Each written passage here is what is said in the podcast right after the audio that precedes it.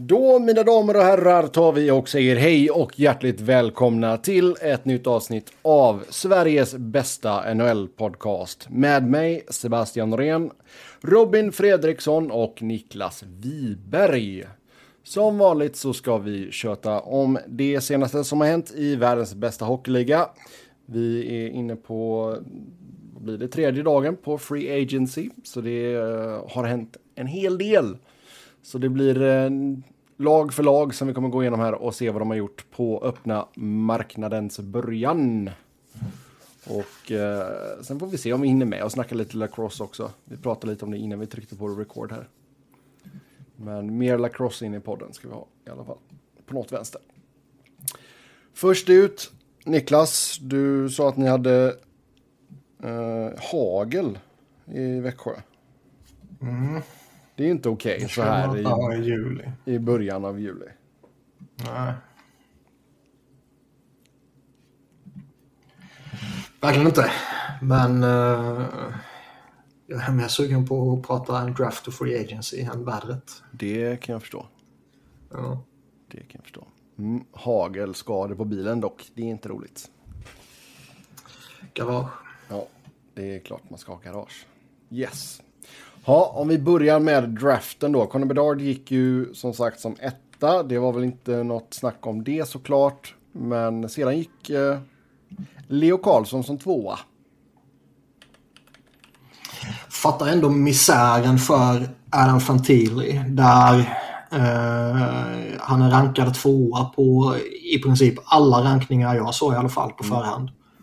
Och eh, kan ändå ha möjlighet att komma in i ett hyfsat intressant Anaheim med liksom eh, några härliga lirare i, i, i liksom liknande ålder mm. som man kan eh, ja, skapa en ny generation med och så vidare. och så vidare. Bor i Kalifornien, alltid chill.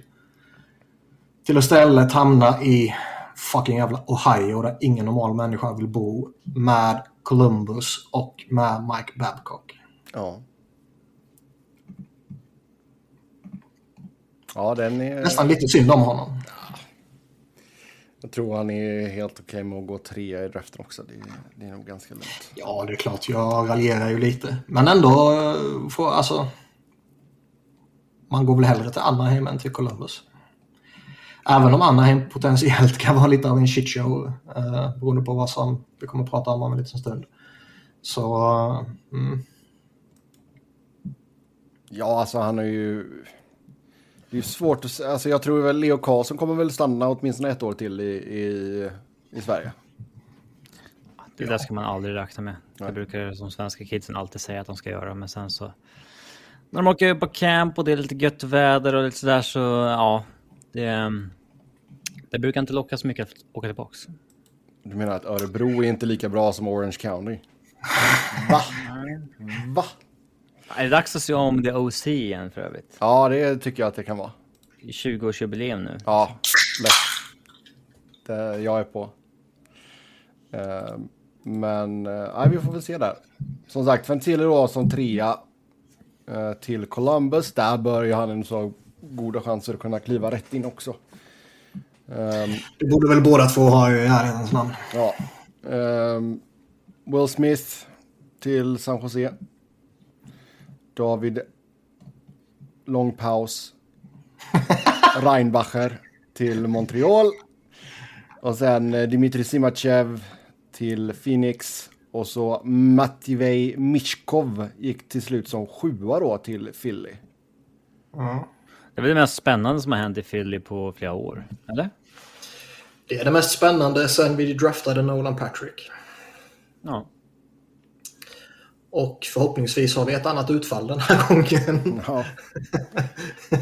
ja. det hade ju varit lite tråkigt. Alltså rent skillsmässigt så, så var han väl ansedd att gå betydligt högre än sjua. Um. Ja, alltså det är ju, ryssfaktorn är ju den stora faktorn här. Mm. Uh, och ryssfaktorn idag är ju uppskruvad till 11 liksom, jämfört med vad de brukar vara för ett par år sedan. Ja. Liksom. Så att få den i knät då, och, då vill man ju gärna att den slår, slår väl ut. Ja, sen är det inte bara ryssfaktorn i sig då liksom utan det är också alltså det här med geopolitiska läget och så vidare. och så vidare liksom. Utan det är också det här att han har ju tre år kvar på kontraktet med SKA eller SKA, jag vet inte, Sankt Petersburg. Ja. Ehm, Jo, Sen det- har han ju själv hintat lite efter han draftade som att liksom, hans ambition är kanske att komma loss från det kontraktet tidigare än så. Och, ja, gudarna vet ju om det är möjligt liksom. Jo, men även om Phil behöver vänta tre år så är ju inte det... Nej, alltså det passar ju bra. Man, är givetvis skraj att släppa bort honom till Ryssland igen på grund av uppenbara anledningar. Men det passar ju bra sett på till liksom tidslinjen som Philadelphia befinner sig på nu. Liksom. När man ska gå in och, och rebuilda och så förhoppningsvis ska man väl vara tillräckligt relevanta om tre år för att han ska kunna landa och bara köra. Liksom. Och kanske eh, ett scenario man ser framför sig med, med lite förhoppningar är ju ett Kaprizov-scenario eller något liknande. Ja, exakt. Jo, men det var väl... Det var väl jag kommer inte ihåg exakt vem som var hans comparable på, på NHL-nivå, men det, det är väl ett drömscenario på ett sätt då ifall det blir att han stannar i, i KHL. Eh, Ja, sen vet man ju inte, det, saker kan ju förändras. jo, ja. Absolut. Vad... På tal om ryssfaktorn, eh, innan vi glömmer det. Vad, vad är det som pågår med Ivan Fedotov för övrigt? För att det kommer Ivan- bilder på att han är utsläppt ur uh, fångenskapen. Han, eh, han eh, vad heter det, han eh, avtjänade sin eh, militärtjänstgöring och eh, den tog slut nu vid månadsskiftet här. Så det cirkulerade uppgifter för någon eller några dagar sedan att han hade signat med eh, Moskva igen att han eh, hade, jag har för mig det var ett tvåårskontrakt, men jag kan ha fel där. Men att han hade signat med dem i alla fall. Och sen så tänk, tyckte man att, eh, jaha, ja, ja, då är väl han liksom eh, inte längre aktuell för Philadelphia. Men samtidigt så har det ju rapporterats om att Philadelphia har Avtal med honom. Ja, man skrev ett avtal förra året ju. Eh, som... Eh, det hände ju lite saker. Så han kunde ju inte fullfölja det kontraktet. Och då har man ju eh, enligt liksom, regelverket rätt att eh, liksom förskjuta det här kontraktet ett år. Tolling, tror jag de kallar det va? Ingen aning, men visst, Ja. vi kör på det. Ja. Eh, kan eventuellt ha fel på ordet där. Men man kan ju liksom... Jo, 12. 12. Ehm, jag vet inte vad det betyder. T-O-L-L-E-D. 12. Det är ju att du drar någonting. Ja. Men i det här sammanhanget, jag vet inte. Ja, I alla fall, de, de har förskjutit det så det är liksom... Eh, det gäller inte för den gångna säsongen utan det gäller för den, fram, eller den kommande säsongen här. Och eh, det finns ju inte längre något avtal mellan NHL och KHL. Men eh, det bröts eh, förra året eller något sånt där. Men ehm, ligorna har ändå respekterat gällande kontrakt. Och det har man liksom lyckats göra med någon form av gentleman's agreement eller någonting. Och då verkar det ju som att KHL inte kommer att registrera Fedotov. För att man eh, inte inte liksom förstår hans kontraktstatus med Philadelphia. Och eh, innan man får klarhet på det så verkar det inte som att man kommer registrera hans kontrakt. Och eh, vad heter han? Gary Bettmans eh, högra hand, Bill Daley, ska tydligen ha bekräftat till, eh, till någon media som jag inte kommer ihåg vilken det var. Att liksom, ja, han har ett, ett gällande NHL-kontrakt. Så då är ju frågan vad, mm, vad det här innebär för Fedotov. Innebär det att de, till skillnad från förra året, när de sket i hans kontrakt och liksom mer eller mindre fängslade honom, eh, kommer de respektera kontraktet nu? För nu kommer de ju eventuellt då inte kunna hänvisa till att han inte har gjort sin militärtjänstgöring, för det har han gjort ju liksom. Så vi får se helt enkelt. Mm. Mm. Ja, det. Men det ger ju ytterligare en spin till uh, Flyers uh, ja, målvaktssituation. Uh, där man, skulle han vara tillgänglig och komma över så liksom har man ju för många målvakter. Liksom. Ja, men... Sen vet man ju samtidigt inte, ja det löser man ju, men, men samtidigt vet man inte heller vilken, vilken status han är på efter att ha varit borta ett år. Nej, men... Uh, det beror lite på vad de har gjort med honom. Men uh, mm. det har ju varit lockouts och grejer förut och spelare har kommit tillbaka efter ett år och varit bra. Liksom. Så det, det ska nog inte ja. vara, det ska nog inte vara hela världen, men... Uh, Man vet inte hur ett års rysk militärtjänstgöring kan fucka upp en. Nej, men liksom skulle han, det är väl bara inleda och se om det flyger, helt enkelt. Inte, ja. Inte mer med det. Mm. Så jag vill säga, lite, lite spännande framåt är det ju ändå. Och uh, Mishkov är man ju sjukt taggad på ju. Jag var ju in i det sista övertygad om att de skulle... Jag menar, när, när möjligheten öppnade upp sig för att de skulle kunna ta honom när eh, Carol Price plockade David Reinbacher och Arizona plockade den här andra ryssen så, och han var kvar på möjlig att ta så, så var man ju ändå liksom, nej de kommer ju ta Ryan Leonard som är ett mer safe pick och som är liksom den eh, vad ska man säga, en stereotyp Philadelphia forward på något sätt liksom. Mm. Eh, så det var ju liksom inspirerande att de går en ny väg som det känns som att eh, tidigare ledning inte skulle ha gjort. Där de har varit väldigt fokuserade på safe picks. Liksom. Nu går man ändå och tar någon form av chansning, vilket det ändå är. Liksom. Man kanske inte får någon effekt på det förrän som tre år eller så kanske man inte får någon effekt av det på överhuvudtaget. Men det är fan en chansning som är värd att ta för den talangen han ändå sitter på är ju liksom i normala fall aldrig tillgänglig på plats sju. Det är ju en första plats eller en andra plats liksom. Mm. Så man kan ju ha fått jackpot här. Oh ja. Och det är man ju jävligt taggad på. Mm. Vi, jag ska faktiskt hålla oss kvar lite i Philadelphia. För med val, ska jag också. med val 22 så tog man ju Oliver Bonk. Och det är ju Radek Bonks pojk.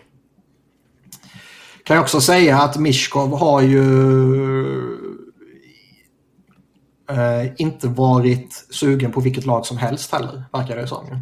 Han ska ju ha varit eh, väldigt osugen på Arizona till exempel. Och vem fan kan lasta honom för det? Så han har bara gjort intervjuer med vissa lag och han ska ju... Eh... Gillar man ju ändå när spelare lite såhär, men nej jag är inte intresserad av att gå dit, så drafta inte mig. Ja, nej, absolut. Alltså, det, absolut. Det, det, behöver inte det ska inte, behöver inte alltid vara det här liksom. Get in line, gå dit, den som plockar dig liksom. Där ska du spela de nästa 15 år, klaga inte. Liksom. Nej, nej, helt rätt. Och, och, och liksom några dagar innan draften så bara gick det ut en tweet från Philadelphias eh, träningsanläggning typ att nej, vi måste ställa in all verksamhet för resten av dagen. Vi ber om ursäkt för det här. Och så var det lite träningar och någon korpenmatch eller någonting. Mm. Liksom. Och bara, aha, tänkte man liksom, vem bryr sig? Och sen så efter draften så kom det ju fram att uh, Philadelphia hade ett hemligt möte med Mishkov i Philadelphia. Där då. Och sen stängde de ner hela anläggningen för att ingen skulle se det. Ja men det är fint, det gillar vi. Ja, och sen träffade de honom i Nashville också. Och han ska ju varit såld på Philly. Liksom. Ja, det, är bra.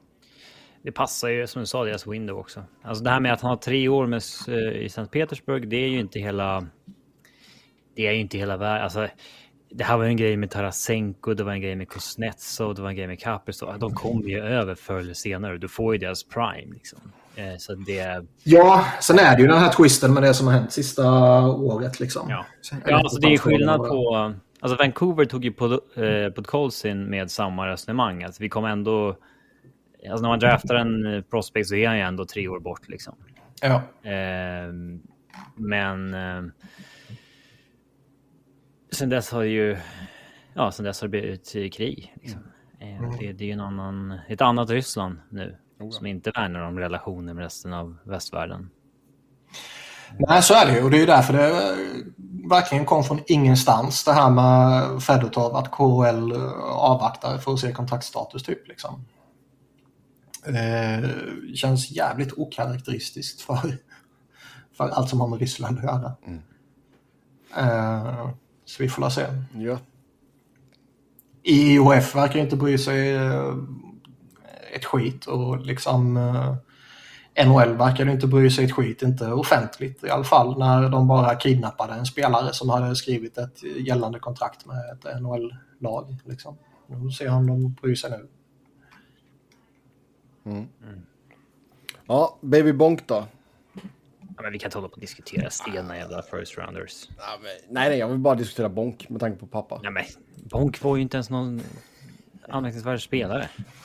Han hade en väldigt fin hockeyfrilla. Det, här, det man kan säga är att han hade en jävla fin hockeyfrilla. Han har rätt i. Han är, eh, han är ett safe pick, verkar det som.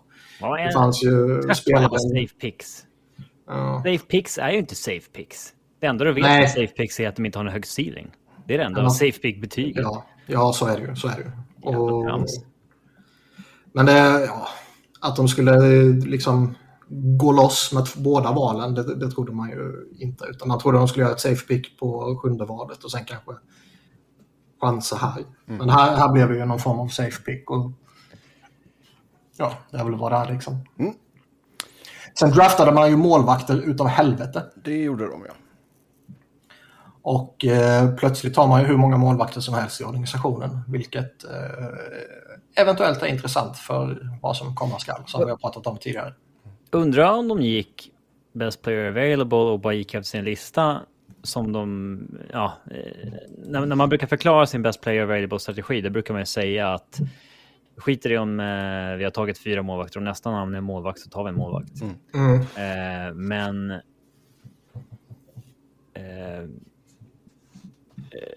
alltså, fast, ja, de tog ju bara två i och för sig. Men Jo, det är bara två, men man har ändå ett antal målvakter som redan är liksom uh, unga och uh, framträdande på diverse nivåer. Liksom allt från NHL ner till juniorhockey och Europa. Så det, det är liksom...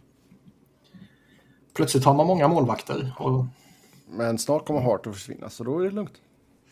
Ja, det är ju det jag hintar om. Ja, exakt. Ja, ska vi uh, ge oss in på Free Agency här då? Och eh, vi har även lite trades och grejer som vi ska gå igenom. Men vi kör lag för lag i bokstavsordning. Börjar med eh, Anaheim Ducks. Och eh, där plockar man in Alex Killorn. Fyraårskontrakt, 6,25 miljoner i cap hits. Så han fick sitt, sin payday här nu. Efter sina år. Sebbe gissade på 2 miljoner va? Gissade jag på 2 miljoner? Jag tror det. Om man skulle ha kvar i Tampa? Två och en halv. Om man skulle ha kvar i Tampa? Uh, nej, det tror jag inte. Jo. Uh, jag för, jag, för, jag för mig, jag läste att uh, Tampa hade diskuterat åttaårskontrakt för under tre, eller om det var tre. 8 gånger 2,5. ja, det kan ha varit det. Men, men i, i, den regionen. Liksom.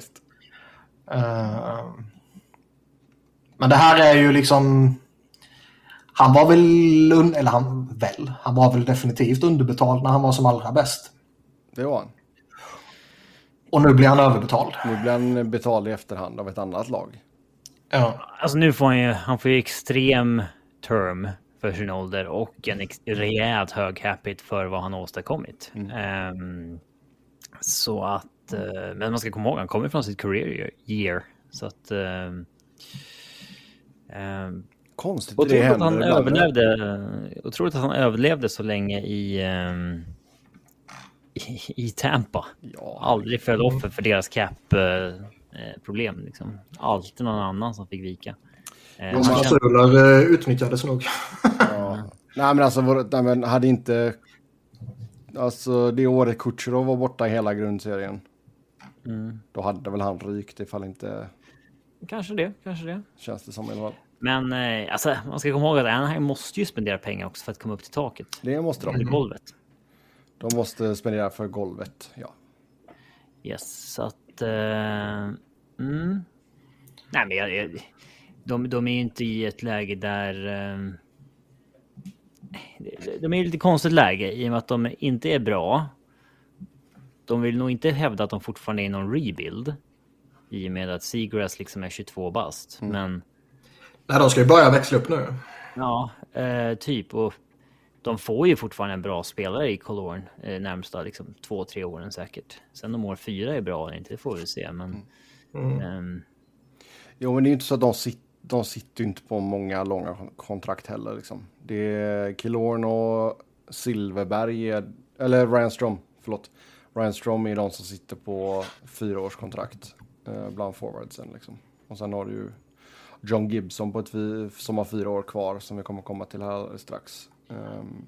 Nej, de har ju manöverutrymme både kortsiktigt och långsiktigt. Mm. Och, och, antagligen så är inte det här ett kontrakt som kommer sänka dem. Uh, de kanske till och med är i ett läge, Anaheim, där de behöver överbetala för att locka till sig lite. Kanske, alltså det, du har ju fortfarande allt runt omkring faktorn som de kan locka, locka med. Men det är klart att liksom, produkten på isen har inte varit jätterolig de senaste åren. Nej, och visst man kan ju kanske locka en Alex Clore med kom och lira med Seagrass. Men eh, det är väl ingen som vet om han kommer lira i hans kedja egentligen. Nej, exakt. Ja, eh, Anaheim tog även in Radko Gudas. Tre års kontrakt på honom, fyra miljoner capita.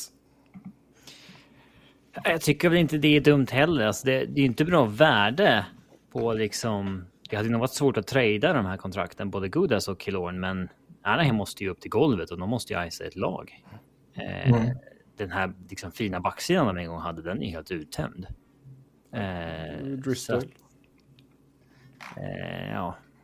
De behöver både lägga lite NHL-erfarenhet på backsidan och gärna en högerskytt och um, Ja, jag tycker inte alls det är fel att uh, gå efter Godas då. Nej. Nej, han är fortfarande effektiv tycker jag. Oh ja. Han gör ju inga poäng, men det har han aldrig gjort liksom. Och, och, det han bidrar med är han ju fortfarande väldigt bra på tycker jag. Absolut. Sen då, John Gibson ska ha bett om en trade och sagt att han kommer inte spela en till match för Anaheim. Har han verkligen sagt det eller är det bara att man slänger sig med Patrick? Frank, att... Frank Saravelli var det väl som tweetade ut det? Nej, inte som tweetade ut det. Men... Nej, han berättade i en podcast eller ja. Vlogg eller vad fan det var. Ja, okay, en vlogg, okej. Okay. Jag tror att man bara slänger sig med uh, Patrick Raw-quotet, att det är samma... Jag vet inte. Men han sa inte det om Anaheim. Nej, men...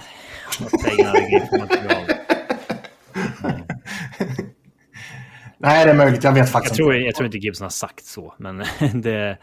Nej, det, det, det, jag vet inte. Det ska bli intressant att se om man kan få liksom eh, något bra betalt för honom. För att det är liksom fyra säsonger när han har varit below average i rad. Jag hade ju inte tagit honom på waivers, liksom. inte med det kontraktet. Nej. Eh, han sitter ju på 6,4 i capita. Sen ska man komma ihåg, han har haft störst workload av alla målvakter, överlägset. Det är inte kul. Ehm, men jag hade fortfarande inte... Ehm, liksom, vem kan tänkas ta honom? Hade jag, hade jag varit Anaheim hade jag fortfarande liksom låtsats att han är bra och liksom velat ha något bra utbyte för honom. För jag tror fortfarande att det finns lag som tycker att han är på den nivån. Um, mm, det har vi pratat om tidigare. Det finns ju garanterat GMs som, som håller han som, och spelare för den delen, som håller han som ja. liksom, topp fem i ligan typ. Buffalo behöver sin keeper. Uh, den hade inte varit extremt uh, chockerande att se. Jag har för mig, jag läste att han var den första målvakten sen typ 2009 eller något sådär. Hon släppte in 200 mål. Ja, mm. grattis. Um... Ja, Buffalo har väl utrymme också så länge de skickar pyttelite tillbaka. Um... Så länge de skickar dryg, ja det räcker med ett minimumkontrakt. Mm. Men säg att de skulle skicka Eric Comrie i utbyte liksom. Ja, nej, något kan man ju hitta där. Mm. Annars tänker man liksom de, de, andra lagen som har gott om utrymme, det är liksom ja, Chicago, de kommer väl inte trada assets för en målvakt liksom. Nej. Uh, Arizona kommer väl inte heller göra det. Seattle har ju sin målvaktsbesättning. Ottawa kanske skulle kunna göra det. Sen Detroit har ju, har ju sina keeprar nu känns det som efter att de signade typ sju stycken. Alltså, ah, jag vet fan om jag håller med Ottawa. Det känns inte som att de signar Korpisalo där, de är nöjda med det. Ja, den kommer vi till sen. Mm. Kanske. Mm. Eh, Winnipeg kan ju bli aktuella om de uh, skickar iväg Hellebuckan nu. Ja. Tänk att köra one for one. Gibson mot Hellebuck. ja. Preds kan ju bli aktuella också om de skeppar ut Saros liksom. Ja. Annars är det ju de andra lagen där, ja det är ju Buffalo då liksom. Ja, och där vet man ju inte riktigt hur, hur mycket de Alltså de verkar ju ändå så tro enormt mycket på uh, Devon Levi. Uh, mm. Så jag vet inte om de vill ha in Gibson med sen, sen... år där liksom. bara, jag läste nu på Twitter här i farten bara att, mm. att LeBron har sagt att sista kontraktet som Killorn fick av Tampa, erbjudandet, det var ett åttaårskontrakt. 2,5 miljoner. Mm. Det, sa jag till, det sa jag till dig för tio minuter sedan. Ja, sa du? Ja. Tack för det. Ja, herregud. Yes. Ja, vi får väl se där om man kan hitta någon uh, trade partner för Gibson. Men känns det som... Sen så undrar man ju liksom, är det här någonting han har uh, kommit fram till idag? Eller är det här någonting som ligan har vetat om liksom, sen innan draften? Eh, det skulle ju kunna vara att han har fått lite indikationer från klubben att eh, men den här sommaren så kommer vi satsa, vi kommer gå efter eh, spelare och vi kommer liksom, nu kommer vi växla upp. Och sen blir det bara Gudas och Killorn och det tycker han inte är enough och då går han ut med en trade request. Kanske. Eller så kände han där efter att ha släppt in mål nummer 200 att Nej, jag vill inte vara kvar här. Mm. För jag menar, eh, har han legat ute i två veckor med den här requesten eller vad det skulle kunna vara liksom, och det inte har skett någonting, då känns det ju som att eh, man ser andra lag liksom hög massa andra alternativ. Det var Korpisalo som du nämnde och det var Keynes gick tillbaka till Andersen och, och Ranta och det var Sharks gick efter Blackwood och allt vad det har varit. Liksom. Mm. Uh, liksom, det finns ju en hetare målvakt på marknaden i Hellebuck. Ja, alltså det jag tror ju... Eventuellt också Jussi Saros. Ja, jag tänkte säga det. Han är ju inte första valet för någon, det tror jag inte. Nej, däremot är det väl inte helt säkert att Saros är på marknaden. Och det är jävligt svårt att läsa av vad, vad fan Nashville håller på Ja, vi kommer till dem sen. Eh, men, men uh, han är ju definitivt uh, inte etta. Han är ju eventuellt inte tvåa på listan heller. Nej. Rimligtvis. Sen är det som vi har sagt att uh, ja, det finns ju folk där ute garanterat som fortfarande håller honom som en av ligans bästa målvakter. Mm. Vi släpper ankorna där och så går vi till Arizona. Där eh, man fyller ut rosten lite. Troy Stasher, ett års kontrakt, 1,1 miljon. Alex Galchenyak är tillbaka. Eller jag kan säga Stasher är tillbaka också. Um, Galchenyak ett år, 775 000. Sen tog man och splashade lite pengar på Jason Sucker, ett år, 5,3 miljoner. Alex Kerfoot, två år, 3,5 miljoner. Och Nick Bjugstad tillbaka, två år, 2,1 miljoner. Eh, det intressanta här är väl Jason Sucker och han eh, efter lite problem i Pittsburgh så avslutade han ju starkt där förra året. Och eh, lite förvånande ändå att han får nöja sig med ett ettårskontrakt i, i Arizona.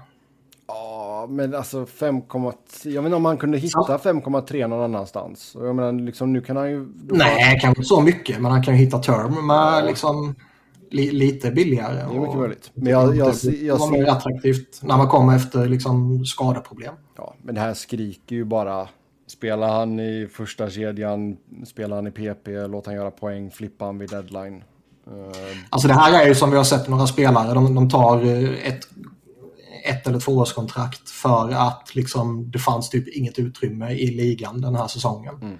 Nej, han kommer ju skriva han... ett, ett, år för att boosta sitt värde inför nästa sommar. Ja. Det är ju det. Ja. Eh, ja. När capen går upp och han kommer då ha haft, vad han hoppas, ett riktigt bra år. Eh, så den tycker jag inte är något konstigt alls. Att, eh, att han går på det här spåret, eh, Sucker. Um, Nej, men jag är ändå lite förvånad. Jag trodde han skulle kunna få bättre. Han skulle väl kunna ha tagit ett år i något annat lag med liksom fyra miljoner istället, eller tre miljoner. Mm. Kanske en ännu mer attraktivare miljö. Det som förvånar lite är väl kanske att Alex Kerfoot skriver liksom ett väldigt så här, uh, rimligt kontrakt som många borde varit villiga att erbjuda honom, men uh, det landade liksom i Arizona. Mm. Den, den förvånar mig mer. Mm. Jag har nog ingenting att säga om honom. Nej, inte jag heller. Men jag tycker det är, det är lite roligt ändå att de tar tillbaka en, eh, liksom en trio med spelare som de redan haft i laget vid ett tillfälle. Eh, men de gillar mm. väl de gubbarna helt enkelt. Får vi se om Galchenyak kommer att spela i NHL. Eller om man får lira, ner, nu... lira ner i Tucson. Ja, och de har ju inga problem att nå golvet eftersom de eh, är eh, pengatvättsmaskinen i ligan och har typ sju kontrakt som är utköpta eller uh, retainade eller på injury reserve. Ja, du har ju våra check, uh, Shea Webber, Brian Little, sen Zach Cassian och Nemet som är utköpta. Okej, okay, förlåt. Det var inte sju, det var ja. bara sex. Och retainad då på och... Ekman Larsson. Ja, 20 000, 20 000 dollar i år. Dollar i år. ja. Japp. Uh, ja, det är väl det de måste skicka en check då på 20 000 dollar i år till honom. Ja. Undrar Orkar han ens lösa in den checken? Skickar, alltså, liksom... skickar de den alltså, på ett bräde eller liksom kommer den månadsvis? Jag vet inte. Nej. Ja. Kost, kostnaden är eh, 290. Men capiten är bara 20 av någon anledning. Ja. Eh, ska vi se här. Ja, Arizona behöver fortfarande fylla ut med lite fler folk så de kommer väl göra någonting mer framöver antar vi. Eh, Boston. Där köpte man ut Mike Riley. Sen skrev man ett års kontrakt med James van Riemsdyk, en miljon. Milan Lucic, ett år, en miljon. Patrick Brown, två år, 800 000. Kevin Shattenkirk, ett år, en miljon. Jag ser en trend här. Ett år, en miljon. Ja, lite size. Mm. Lucic har ju storlek och muskler. JVR har storlek men inte muskler.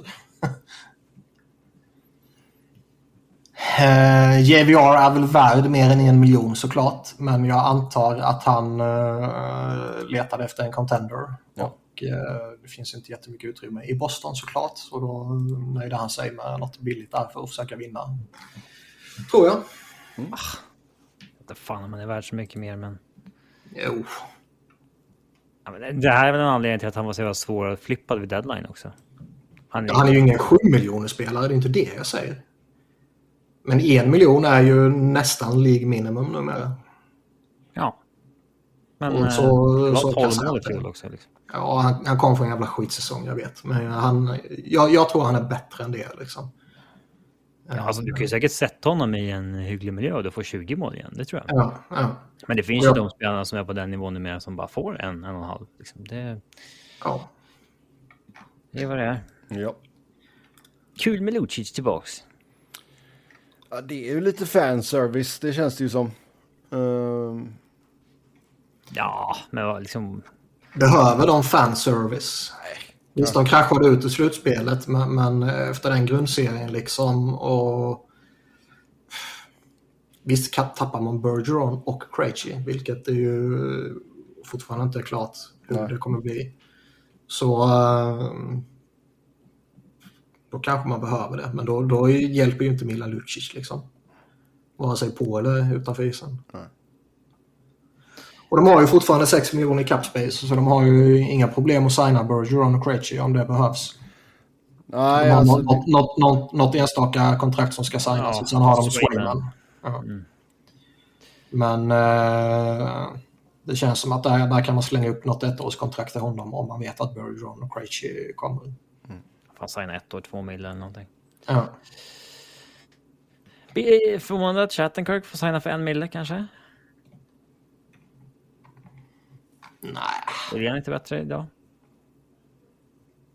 Nej, attackerar du mig för att jag sa exakt samma sak om JVR så kommer inte jag hålla med dig nu på ren princip. Ah, men ja. Alltså en högerfattad back har alltid mer värde på något sätt. Och, eh, nej, men, ja, jag är lite förvånad att han inte kostade mer. Men han, är, han, han är en Boston-kille och sådär, du vet. Han, han kanske spelar där innan det, det är över. Mm. Mm. Det känns som det var alldeles nyss han skulle ha liksom 10 miljoner om året i Rangers. Ja, det var ett tag sedan. Mm. Men det är väl en bra kille för ett tredje par för dem? Ja, absolut. Mm. Ja. Sen har vi Buffalo. Där tog man in Eric Johnson på ett ettårskontrakt, 3,25 miljoner. Tyson Yost på ett ettårskontrakt 2 miljoner och Connor Clifton på ett treårskontrakt 3,3 miljoner. Ja, de känns som de fortfarande får betala för att de är Buffalo, om man säger så. Alltså Eric Johnson är ju idag en liksom... Om Chatterkirk ska signa för en mille så ska ju inte Eric Johnson signa för 3,25. Liksom. Um, han får ju det för att han är en good veteran presence. Ja, men det är väl... Liksom... Han, han har vunnit cupen och han är stor och stabil och bla bla bla. Det är liksom... Mentor till de yngre och så vidare. Ja, ja. Eh, det... Han sa att han valde Buffalo för att de är ett lag som är lite där var för några år sedan. Liksom på väg att lyfta. Eh, mm. det, det kan väl ligga någonting i. Eh, Tyson Jost, han lyckades ju hitta en roll i liksom Buffalo så att um, att han får ett år till på två miljoner, det är väl eh, ganska, ganska fair. Um, men man kanske förväntar sig att Buffalo skulle göra någonting lite... Lite större? Lite, ja, någonting lite mer. Alltså jag tycker inte att de har ju, alltså deras lag är ju mer eller mindre på plats. Det är om man skulle gå efter en, en, en målvakt då kanske som är bevisad detta. Det är en målvakt som måste in. Det är väl leva i, i i all ära, men, men liksom... Ska man växla upp så gör man inte det med honom i kassen, tror jag. Nej, det är det. Men gör det inte med Eric Comrie eller Ukopeka heller. Nej, de måste ha in någon som eh, har chansen att bara ha åtminstone en bra säsong. Mm. Alltså mm. överprestera mot sitt liksom goals saved och expected. Liksom. Eh, det förvånar mig att det inte någonting har skett där. Mm. Ja, vi får väl se helt enkelt. De har ju fortfarande lite att röra sig med. 5,9 miljoner drygt. Eh, så visst. Men det känns inte som att John Gibson är lösningen på deras målvaktsproblem i alla fall. Nej, de borde ju efter Jussi Sarro som han uh, är tillgänglig. Uh, kan, kan liksom... Risken om de skulle gå efter typ Hellerback är ju att uh, Buffalo inte liksom blir relevanta så tillvida att de liksom kan utmana förrän som två år typ. Liksom. Mm. Då kanske Hellebacks prime är över. Men det känns som att Saros kan han kan, kan växa med dem på ett annat sätt. Jag vet inte. Ja, sen beror det väl lite på alltså också... Eller Carl Hart för den delen. Mm. Jo, sen också Hellebacks äh, nästa kontrakt också. Det, de snackade ju lite om det att Sorokin, var det Sorokin som skrev Mm. Ja, att det kanske satte marknaden lite för uh, Helleback. Mm. Mm. Så eh, någonstans där 8 gånger 8, 25 eller vad det nu var. De har ju redan några stora kontrakt i forwardsbesättning och de kommer ju få två stora kontrakt på, på backsidan i Dalin och, och Power. Mm. Uh, Dalin kommer väl skriva sitt stora kontrakt nu får man ju anta. Power kanske de breachar. Ja, exakt. Men uh, då får man ju skriva det nya med honom så småningom. Då kanske det är lite väl saftigt att slanta upp det för hela Buck också. Mm. Men eh, ja, ni ser lovande ut i Buffalo i alla fall, så mycket kan vi säga. Calgary, de har inte gjort någonting. Uh, där är det mest snack om uh, vad som kommer hända med Backlund, Lindholm. De förlängde ju med Charangovic i alla fall. 3,1. Och det var väl ganska väntat. Uh, Ja, det pratar vi om. Det jag, skri- det, det jag har skrivit upp är ju bara det som har hänt sedan förra avsnittet. Det är inte det som har hänt hela sommaren så att säga. Nej, jag minns inte att vi surrade om det, men... ehm, ja, ehm, det, de måste ju lösa knutarna kring hur det blir med... alltså, med Backlund, eh, med eh, Elias Lindholm, Hannifin. Alltså Sadorov snackas det också om som är UFA. Ta- Tanev också har jag för mig. Ja, ehm, Markström har jag sett något om till och med. Oj. Fast det var nog ett par veckor sedan. Ja, och sen de behöver for- fortfarande fylla ut sin roster lite. De har inte mycket pengar att röra sig med heller. 1,5 miljoner ungefär. Det behövs in åtminstone två forwards.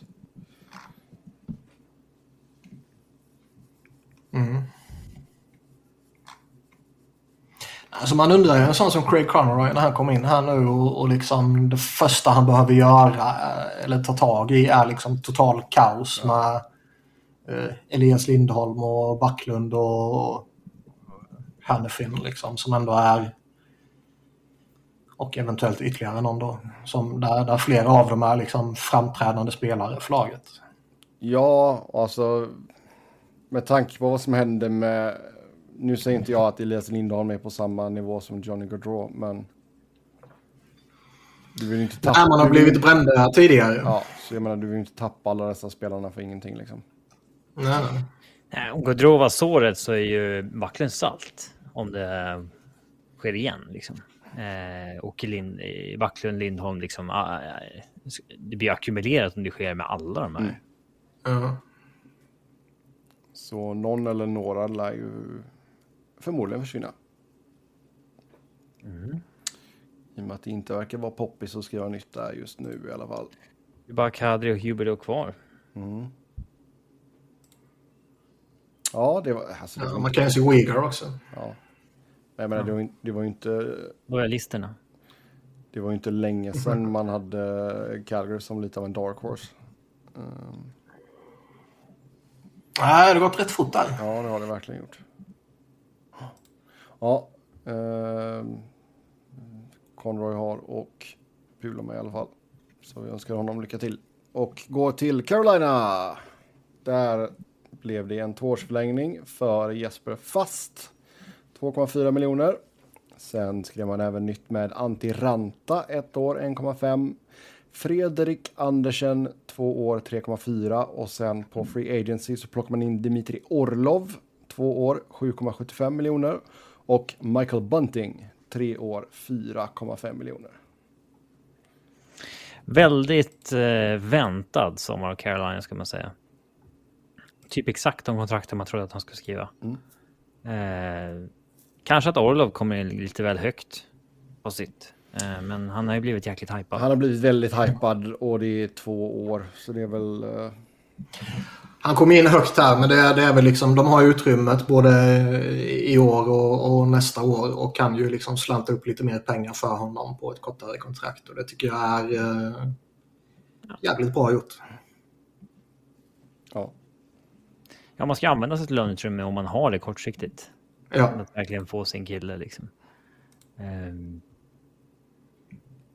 Så att, nej, de har ju, menar, vet, nu vet man inte vad som, som hände med Brett Pesci här med tanke på vad som ryktas om honom. Men eh, behåller de uh, Orlov, Slavin, Burns, Skay, Pesce och sen så man kan säga mycket om Tony D'Angelo men om den traden blir av och han kommer in så är det en, en bra topp 6 liksom. Mm. Oh ja. Ja, jag menar målvaktsspelet fungerade ju. De körde ju på en trio där. Kochetkov var ju med och spelade en del också. Um, med tanke på att både Andersen och Rante är lite skadebenägna. Men... Jag vet inte om jag är lite förvånad eller om det kändes som den mest eh, självklara saken att de tar tillbaka båda två. Det känns jättelogiskt. Ja, på ett sätt gör det det. På ett annat sätt så kändes det liksom... Ja, ta tillbaka en av dem, men liksom båda två. Men visst, men om man har den där trion som du säger, man kanske... Keynes har väl... Uh... Dr. Talski och gänget har väl kommit fram till att liksom, i helvete heller att vi betalar för målvakter. De är oberäkneliga. Mm. Mm. det är de organisationerna som verkar göra det bäst. Ja. Alltså, mm. jo, men, förutom men, de som har pickat en Vasilevski såklart. Ja. ja. Jo, men och sen har det, alltså då får ju... Du har ju inte samma press på Piotr eh, heller, liksom att kliva fram riktigt mm. ännu. Så det är... Då. Det är... Konstigt att man sätter situationen när de har tre igen. Alltså de kan ju skicka ner uh, Kochetkov. Han är ju waiver exempt. Ja visst, men uh, de har ändå signat honom på två mil. um, så att, uh, ja. Men visst, det är bara ett år på Ranta. Han kan de hiva om Kochetkov skulle flyga. Nu. Ja, ja, absolut. Absolut. Det tror jag inte, alltså hitta en trade partner för en antiranta på en och en halv mille. Det tror jag inte ska vara några problem så länge inte han gå sönder då igen. Ganska bra kontrakt på Bunting tycker jag också. Helt okej. Okay. Ja, verkligen. Mm. Man kan, det kan eh, svida mer i free agency om man säger så. Oh ja. Och jag menar, han är, jag tycker inte att han har visat att han kan vara en, en bra komplementspelare till och spela med, med riktiga toppspelare så att säga. Um, mm. I Toronto som han gjorde. Så eh, nej då, det är en bra signing. Så Carolina har gjort det bra på pappret. Sen får vi se hur det går på isen. Chicago då. Man eh, tradade till sig Corey Perrys rättigheter från eh, Tampa i utbyte mot ett sjunde rundsval 2024. Sen signade man honom på ett år för 4 miljoner. Sen eh, skickade man Future Considerations till New York Islanders. Eh, viktiga grejer. Så fick du eh, Josh Bailey och ett andrarumsval 2026. Och sen eh, köper man ut Bailey. Eh, sen kommer Nick Folino in på ett år, 4 miljoner. Och Ryan Donato, två år, 2 miljoner. Jag är lite kluven till det som händer i Chicago här nu. På ena sidan, vi har alltid sagt att du vet när lag ska upp, eh, när lag ska upp till golvet och så har de skrivit sådana här eh, pissiga treårskontrakt med spelare. Och då har vi sagt, varför inte bara ge ett år och så ge jättemycket lön? Ja. Så... Och det är det de gör här med Perry och Folino. Mm. Mm. Eh, så det, det, tycker jag egentligen är rätt. Liksom. Oh ja. för det är två killar man vill ha i ett lag också. Alltså det, är två spelare man ser upp till och liksom ser värde i eh, och, och så vidare. Så där tycker jag väl att de gör rätt. Sen fuckade det upp marknaden för alla andra lag när helt plötsligt Corey Perry får 4 miljoner i det här skedet av sin karriär. Men, eh, menar du inte att alla 38-åriga forwards ska ha 4 miljoner på ett ettårskontrakt? Men jag, jag, fattar inte varför de känner ett behov av att trada till sig rättigheterna till Perry när de vet att de kommer lägga upp 4 mille, som att han skulle gått någon annanstans då. Nej. Nej, den kom eh, jävligt random från Visst, bara en seventh rounder, men liksom varför... Um, de, de visar bara verkligen hur mycket de vill ha honom och han bara, ah, jag vet inte. Och sen så skickar man, du får fyra mil. Han bara, okej. Okay. Ja, men det, det, här var ju ändå ett skede där vi var ju så nära att Friedrichsen skulle öppna att eh, alltså alla vet ju vad varandra är redo att pröjsa. Liksom. Mm. Du kan ju säga till Perry, vi kommer ge dig fyra mil. Liksom. Oh ja. um, så att, nej, men jag tycker väl att de uh, gör väl okej okay jobb med att fylla ut rosten här med eh, spelare. För att... Jag tycker det är liksom allt för deras, eh, liksom hela deras existens nu är ju bara Conor Bedard. Liksom. Ja, allt handlar om att ge han bra förutsättningar. Och nu har han liksom fått en, en värdig kedjekamrat typ i Taylor Hall. Och han har väl fått två pappor i liksom Corey Perry och Nick Foligno. Mm. Ja. de har ju lite ansvar att ändå försöka bli bra snabbt när man tar in en Bedard. Oh, Eller tar in, men när man draftar, ja. Eh, draftar Bedard. Liksom. Så att, um, och det här är väl ett bra, ja, bra första sommar. Att man tradar till sig Hall och um, uh, ja, uh, så lite veteraner dyrt. Mm. Var, de behöver fortfarande fylla på med lite backar och så in med målvakt till. Mm. Men de har... de har också ganska mycket eh, död cap. Retainat på Jagger McCabe, köpt ut Bailey, Conley, Borgström, recapture på Keith. Det är en del eh, död cap där, men den, eh, det är inte ett problem bortom två år. Bara tacksamt för dem nu liksom. Ja, de har ju fortfarande nästan 19 mille att röra sig med. Så det bör inte vara några problem att fylla ut den rostern helt enkelt. Ja, vi lämnar Chicago och går till Colorado. Där har vi Andrew Cogliano, ett års förlängning 825 000. Sen uh, Bowen Byram, två år 3,85 för honom. Och sen förlängde man även med Jack Johnson, ett år 775 000. Sen plockar man in Jonathan Drouin på ett år 825 000. Men sen kommer även Miles Wood in på sex år 2,5 miljoner. Uh, ja, um, de är inte klara ska jag säga. Alltså, jag tror inte att de inte kommer utnyttja sitt uh, cap space. Um, vet man att Landeskog är borta så måste man ju... Mm, man har ju typ 6,8 kvar och behöver signa Colton. Som väntas landa på runt 3, 3,5 kanske. Mm. Eh, så att eh, jag tror ju att man... Eh, någonting mer kommer ske med det här capspacet. Um, Avs har ju haft lite den här taktiken med uh, att man liksom väntar ut marknaden och sen kollar vem som uh, left standing när musiken stannar liksom. Mm.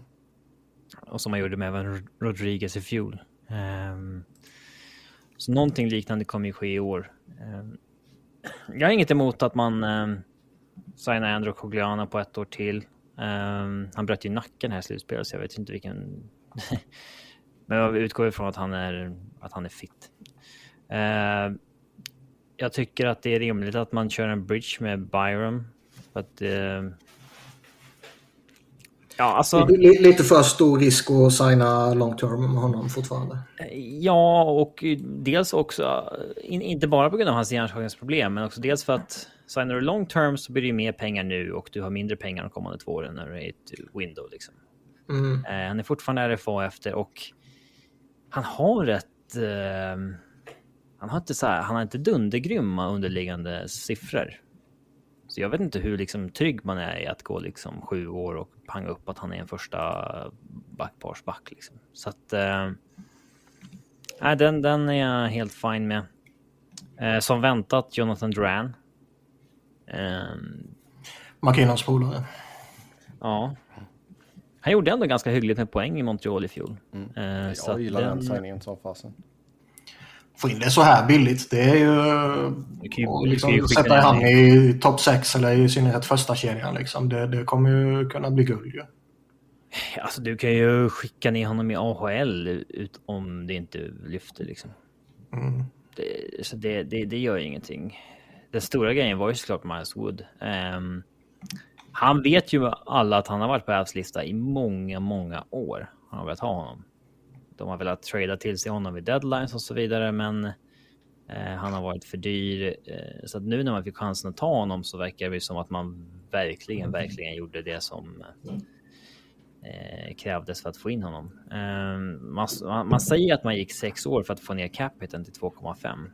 Dock förstår inte jag varför han skulle vara värd så mycket mer än 2,5 kortsiktigt. Eh, Alltså i en annan värld tror jag att han hade kunnat signa liksom ett år 1,5 också för något lag i sommar. Mm. Eh, så den... Eh, han, han är svår. Han var ju, vi pratade om honom förra veckan, har jag för mig. Han var ju hypad som fan ja, tidigare. Liksom. Och han då, var han, då var han jobbig att möta liksom. Det var en irriterande jävel. Och sen så var han ju borta i princip en hel säsong. Och sen så var han väl OK förra året typ. Alltså det verkar ju vara få Devils-fans som eh, sörjer att han har dragit. Mm. Han är ganska, alltså det är en snabb, ganska gritty winger. Um, ganska dåliga defensiva siffror. Så här, Avs pro scouting avdelning har ju haft jäkligt rätt många gånger. Um, och de har ju velat ha den här killen länge, länge, länge. Så det kan ju vara liksom en så här, du vet när Vegas tittade på Chandler Stevenson i, i Washington liksom. Måste, han används helt fel. Kom hit liksom. Mm. Um, skillnaden på Avs tidigare fall har ju dock varit att de har tagit spelare förr som uh, eye-test-människor har tyckt nej, här är ingen bra. Typ Niturskin. Men det har alltid funnits stöd i de underliggande siffrorna för att pro scouting-avdelningen har haft lite rätt. Liksom. Att det kan finnas någonting här. Här är det ju tvärtom. Han har ju ganska dåliga siffror.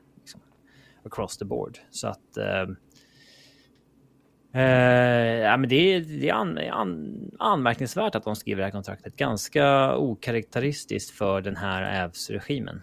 De har inte velat gå... Um, de har gått miste om spelare för att de har uh, stand firm på att ge två år istället för tre och så vidare. Så att, uh, men de verkar verkligen, verkligen velat ha Miles Wood.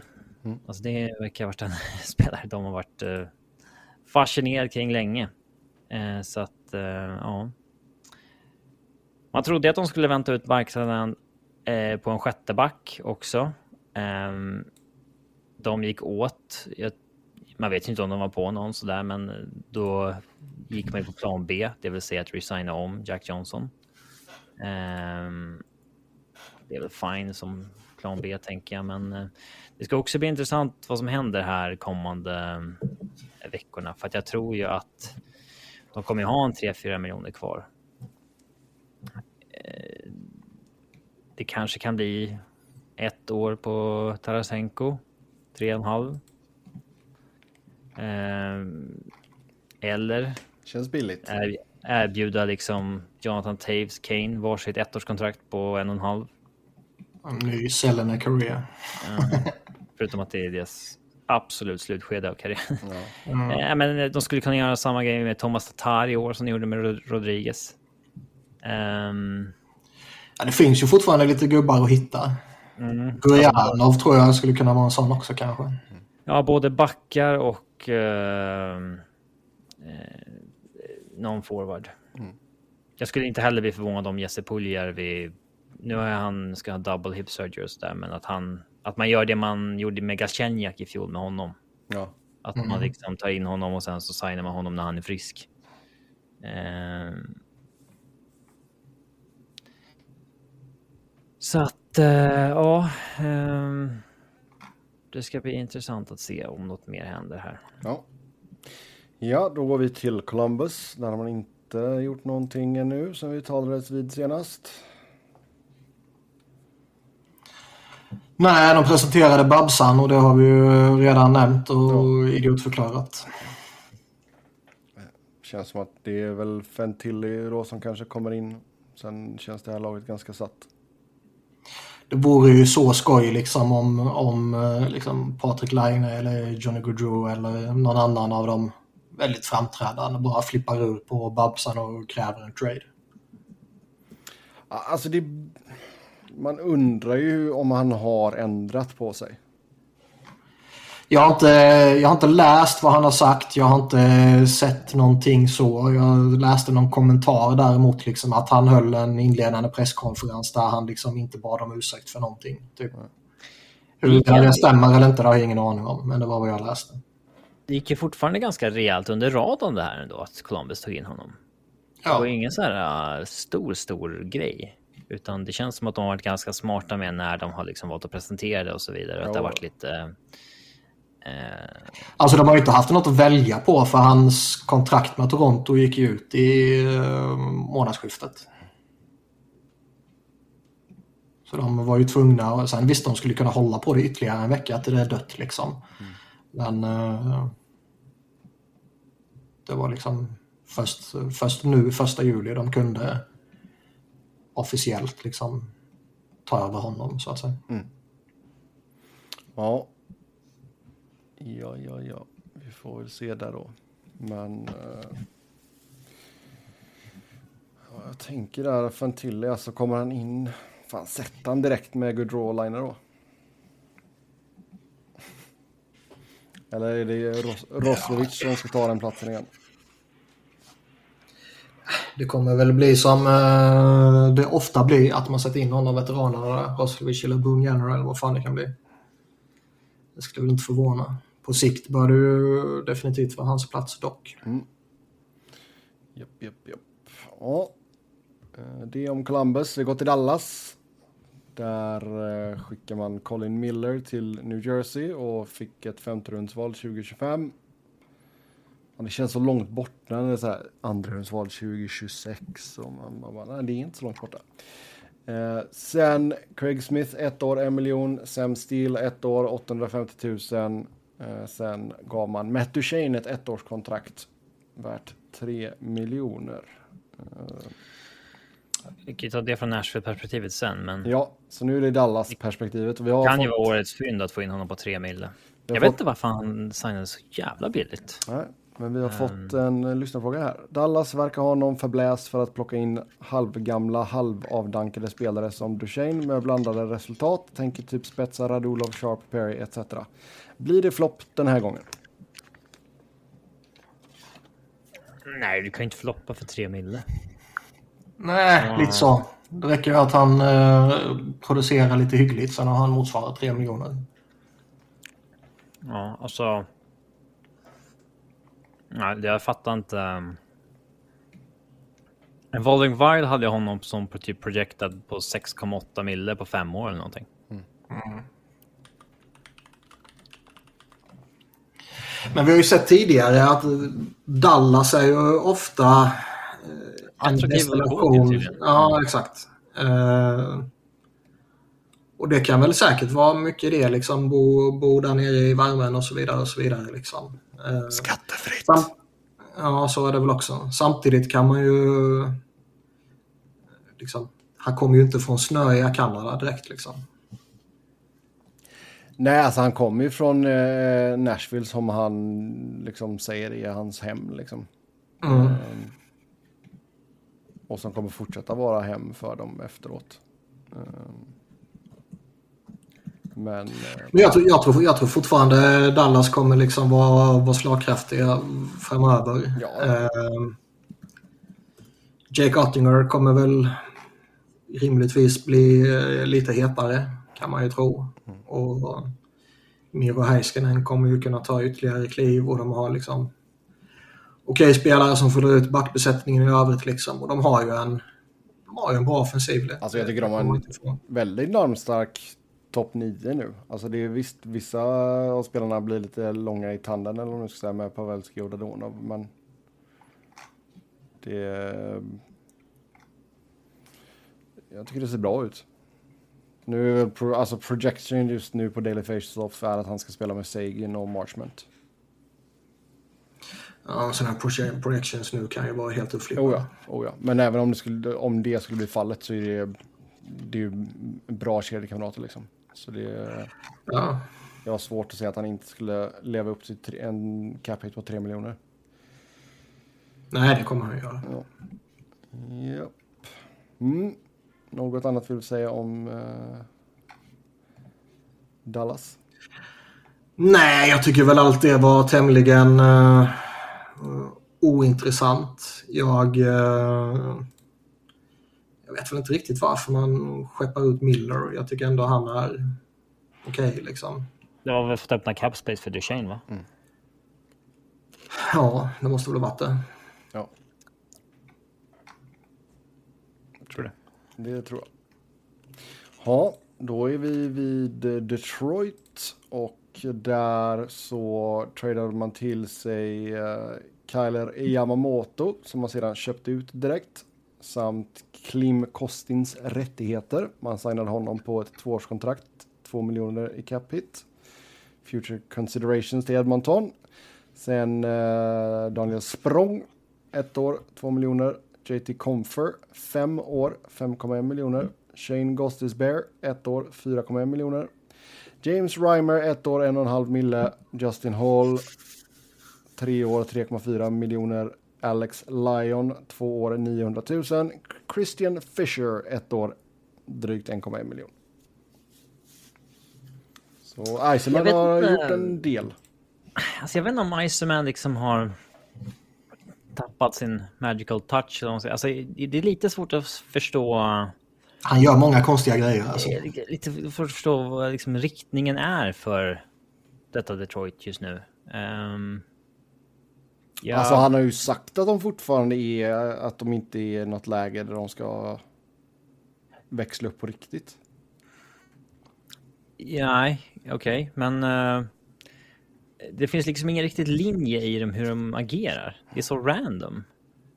Eh, Framförallt så slänger han ju ut rätt stora kontrakt och pengar på, på jävligt konstiga spelare.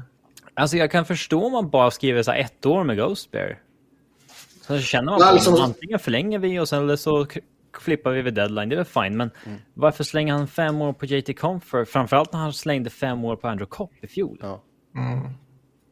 Och Liksom Justin Hall nu också. Nej, jag, jag, nej, det är många konstiga grejer han har gjort sista tiden. Han, bl- han blandar smarta, bra grejer med, med fan vad som framstår som smått absurda grejer. Alltså. Daniel Sprong är ju, är ju bra. Liksom. Ghost är ju, förstår alla att jag tycker är genialt. Ja, men det är bara ett år, så vad fan... eh, Ja. Ja, Fischer är också ett år. Och... Fischer är bra också. Han har ju gjort andra bra grejer tidigare. Liksom. Men, men nej, han börjar... Börjar han vackla eller? Har han, har, har han gått på myten om sig själv?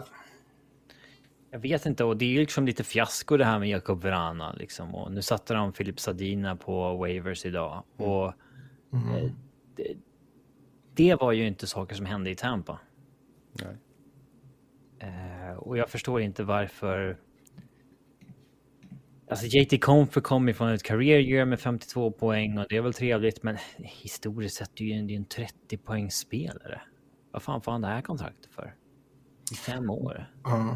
Var det Brisboa som var arkitekten i Tampa hela tiden och då bara var Iceman som var liksom...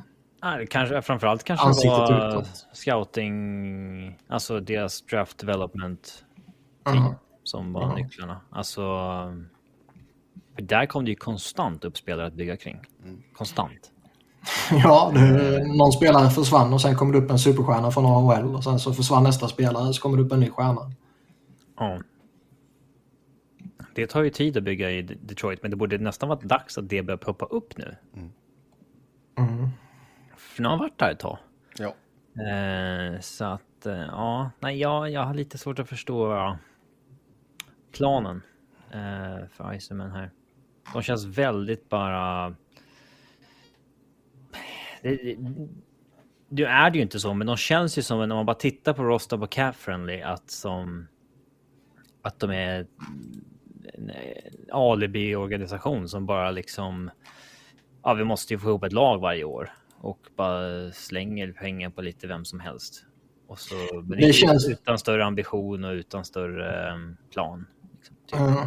Men det känns som att de gör det och bara väntar ut sina, sina draftade spelare nu. Liksom att, eh, visst, om det är några som har kommit in och det är ytterligare några man väntar på här framöver. Liksom. Det blev två nya i första rundan denna sommaren och sådär. Men jag menar, sam, samtidigt som man bara sitter och väntar så kommer ju liksom Moritz Seider kommer bli dyr och Lucas Raymond kommer bli dyr och andra ELC-kontrakt kommer liksom hinna rinna ut och sådär. Så det... Nej, deras cup-friendly-sida om några år kan liksom vara Islanders-esk. Ja, de, alltså, de, draftar, de draftar ju mycket fortfarande. Liksom första och andra rundan och högt. Och framförallt Mm. många picks jobbar man med. Eh, det, det är ju bra. Eh, men eh, det går inte helt enligt plan känns det som. Larkin och Seider, de kommer ju... Seider har ju en lång karriär, men helst vill ju kunna pusha liksom när han går in på sitt sista ELC-kontrakt. Det är också tecken på dåligt, alltså när man liksom nu, de tre längsta kontrakten på backsidan är liksom Justin Hall, Ben Sherrott och um, Jake Wallman är visserligen bra, men Olli Mät, alltså så här, de, ganska dåliga backar man signar. Mm. Och det är inte bra tecken oftast. Det är inte bra. Nej. Sen tog man in uh, Reimer. Han, liksom, han har ju liksom gillat Mark Stahl och liksom, alltså det, det, det, det gör visserligen alla GMs, men uh, det har varit en för, många dåliga backar som får eh, tid och pengar i, i, i, eh, i, Detroit, vilket är ett dåligt tecken. Mm. Ja. Vi går till Edmonton. Som sagt, man blir av med Yamamoto och Kostin där. Man skrev ett nytt ettårskontrakt med Mattias Janmark på en miljon.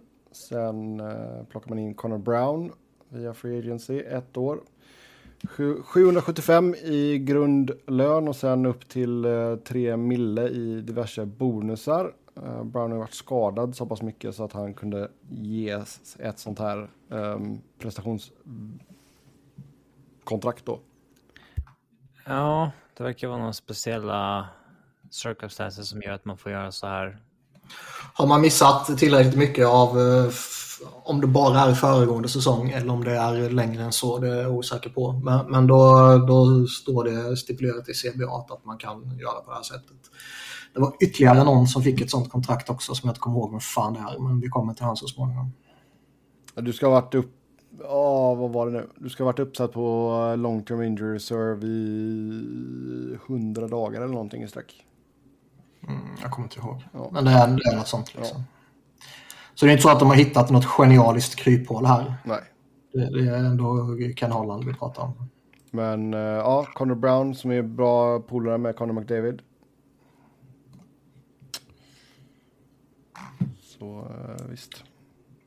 Ja, hur vill du att vi ska kommentera Nej, den här det, det är det jag, jag vill bara säga. Det. Ja, men det, det är ju lite svårt att säga vilken status han har efter och liksom. Nej, givetvis. Yamamoto känns det bara som att de tröttnade på ju. Lite så. Eh, Kostin ska de ju tydligen ha, han ska tydligen förhandlat med KHL och KHL erbjöd ju mer pengar än vad Capstrapped Edmonton kunde göra. Så det var därför de skickade honom till ja. Detroit. Ja, alltså Yamamoto, de vill bli av med den capiten för de ska ju skriva nytt med Bouchard också. Ja. Uh, Ryan McLeod är också RFA. Så uh, de pengarna man nu har kommer nog käkas upp ganska snabbt där. Mm. Så det är väl det om Edmonton helt enkelt. Förlåt. De är fortfarande inte en liksom bra skött organisation. Det är bara att de har ett år där de gör eh, liksom lite fler bra än dåliga beslut. Och sen, sen ja, var det liksom lite tur med Vandy Kane-sagan och sånt där. Men mm. Ställs på sin prov här när nästa sommar ska det ge Dreisaitl förlängningen. Ja, den kan bli...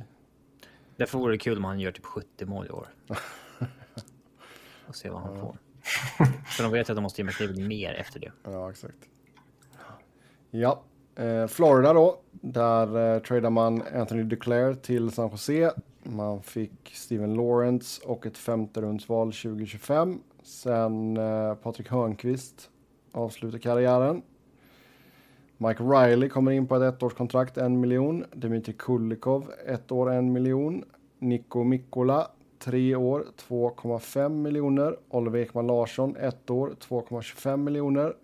Evan Rodriguez, fyra år, 3 miljoner. Och sen är man ett av lagen som kopplas ihop med Vladimir Tarasenko. Ja. Så ja, Bill Sido har inte legat på latsidan i alla fall. Nej, vi har varit lite kritiska mot Florida tidigare. Att de har börjat göra lite konstiga grejer efter att ha gjort väldigt många bra grejer. Så gick de i final och täppte igen truten på oss. Mm. nu tycker jag att de har börjat göra lite bra grejer denna sommaren ändå. Liksom. Uh... Ja, men alltså att det skulle komma in ett gäng backar, det var väl ganska självklart. Speciellt med tanke på att både. Ekblad och Montour förväntas missa starten av säsongen. Så är det Och de har ju... Jag tycker ändå de har fått in liksom, ett hyggligt gäng. Liksom. Det är bra att få Ekman Larsson på ett år bara. För eh, fan vet var hans karriär tar vägen. Liksom. Han skulle kunna studsa tillbaka på ett effektivt sätt bara genom att bli frisk. Liksom. Eller så kanske han är körd. Och signa honom på det kontraktet är ju mer eller mindre riskfritt. Liksom. Så det tror jag är bra. Risken med det är ju att han kanske får kliva in och under början på säsongen ta en väldigt stor roll med tanke på vilka som är borta som du sa tidigare. Och det skulle ju kunna vara lite överväldigande. Alltså, jag vet inte riktigt hur de har tänkt sig och alltså, ska man spela honom på off-sidan då?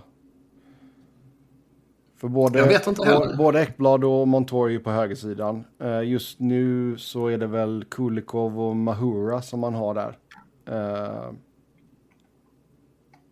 Så visst, någon av Forsling, Mikkola, Ekman Larsson eller Riley får ju kliva över på fel sida. Mm. Eh, Eller så är de inte klara. Eller så är man inte klar. Nej. Han har ingen cap space, men uh, man kan trada. Ja, Jag har ju ett exklusivt avslöjande om Oliver Ekman Larsson. okej. Som är eh, tämligen kontroversiellt vill jag ändå hävda. Okej, han köpte en räkmacka på Börjes. Nej, det kanske han gjorde och det är inte särskilt kontroversiellt. Det är till och med rimligt om man är på Börjes. Däremot har jag fått uppgifter till mig om att Oliver Ekman Larsson går klädd i Arizona-keps här i Växjö. Oj då. Ja. Vad tycker vi om sånt? Han har nog kvar en hel del gear från uh, de åren. Kan jag tänka mig. Slipper man köpa nytt. Och han lär ju inte ha, fått, han lär ju inte ha fått en laddning med uh, Florida-grejer nu. Nej, det kanske inte hunnit komma på posten till, till Tingsryd. Men... Det eh, fastnar i tullen på Snord. De bara, vi ska ha betalt för det här. Man kan ju förstå att han har lite större förkärlek för Arizona än för Vancouver. Oh, ja. Samtidigt så blev det ju en lite halvsunkig skilsmässa vad jag kommer ihåg väl. Ja, det, det var det väl. Alltså... Det har det ju blivit från båda organisationerna. Ja. Nej, men alltså... Jag, men jag tror ändå så i stort så, så är det väl inte konstigt ifall han har mer kärlek för Arizona. Um, Jag skulle ju inte bli glad i alla fall om jag skulle springa på en Philadelphia-spelare som traskar runt i ett annat lags merchandise. Nej, men det funkar ju inte så i NHL. Nej, jag vet. Men eh, jag skulle inte bli glad. Brady Kachuk går på en Calgary-match och hejar på sin eh, brorsa liksom. Mm. Folk tycker att det är inget konstigt alls. Nej. Det var det coolaste som hände den här säsongen. ja. Nej, men det är väl, alltså det hade väl nästan varit konstigare ifall han hade någonting från ett annat lag. Alltså som man inte har spelat i ens. Om han skulle gå runt med en Golden Knights caps nu liksom.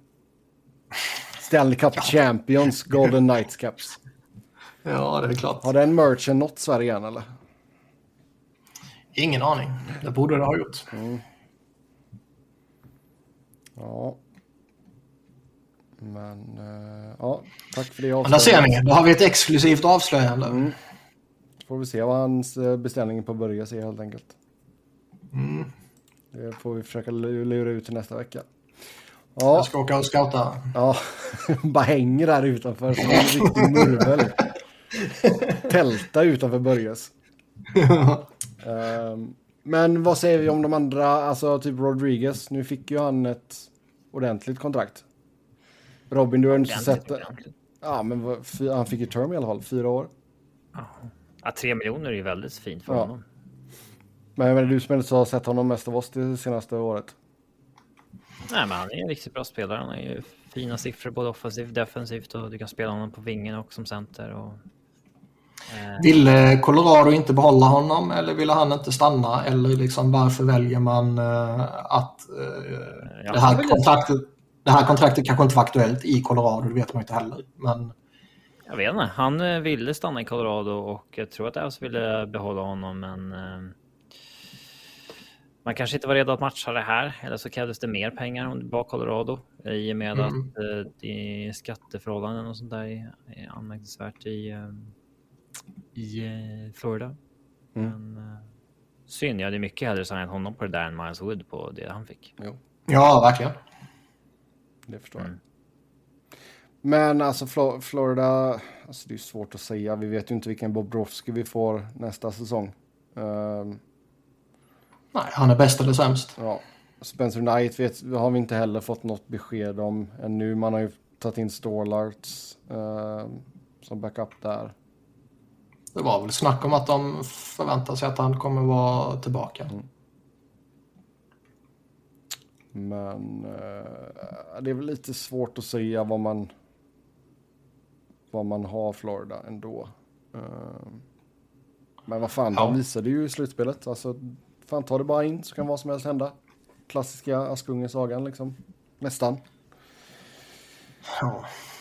Uh, men uh, ja, det är väl det. Ettårskontrakt på Riley och Kulkov, det är low risk. Nej, de gör väl ändå vettiga grejer under liksom lite tuffa förutsättningar när man behöver eh, inte panikersätta men liksom kortsiktigt ersätta sina två bästa backar. Typ. Ja, med tanke på att de kommer komma tillbaka också.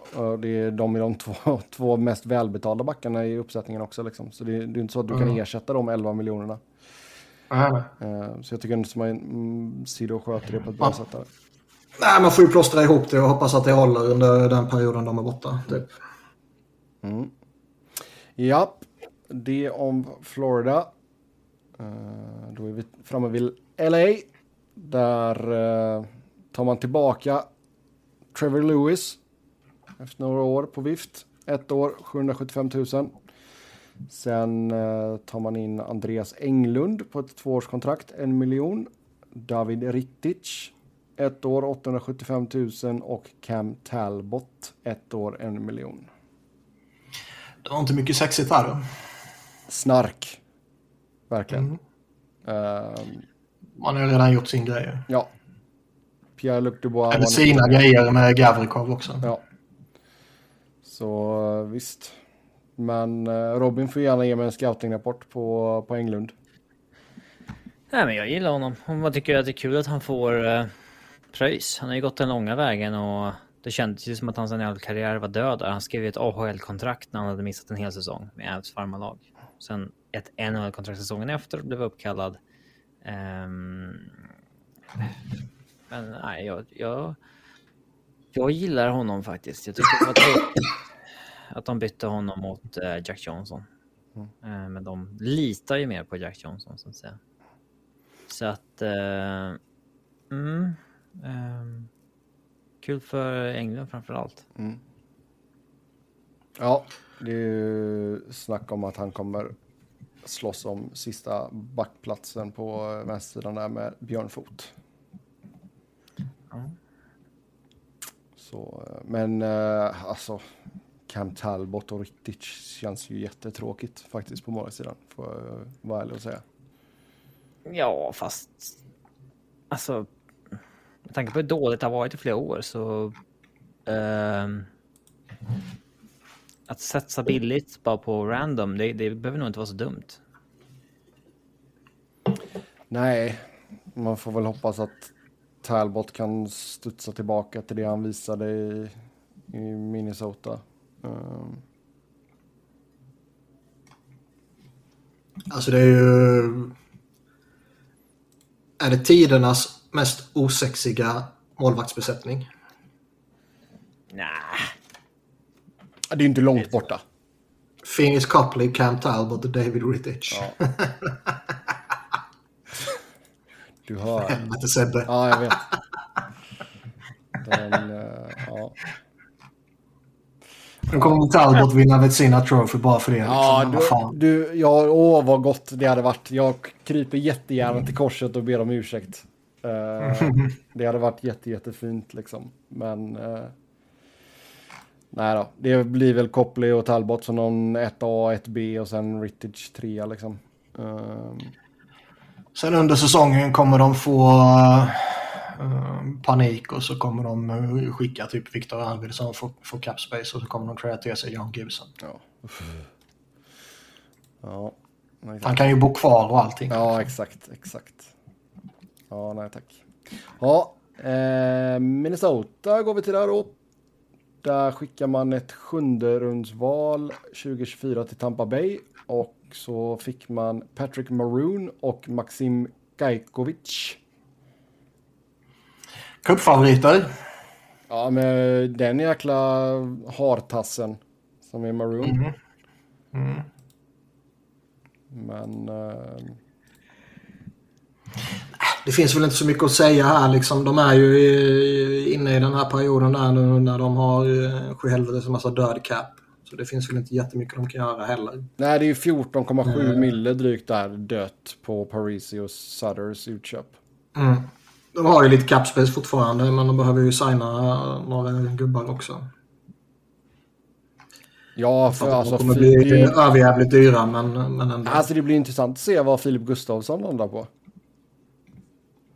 Ja, jag tror inte han käkar upp deras eh, 7 miljoner eller vad det var de hade. Men eh, han kan ju få några miljoner. Ja. Det kan han säkert få. Sen vet jag inte, alltså. Jag har inte sett tillräckligt mycket för att uttala mig om Kalen Edison.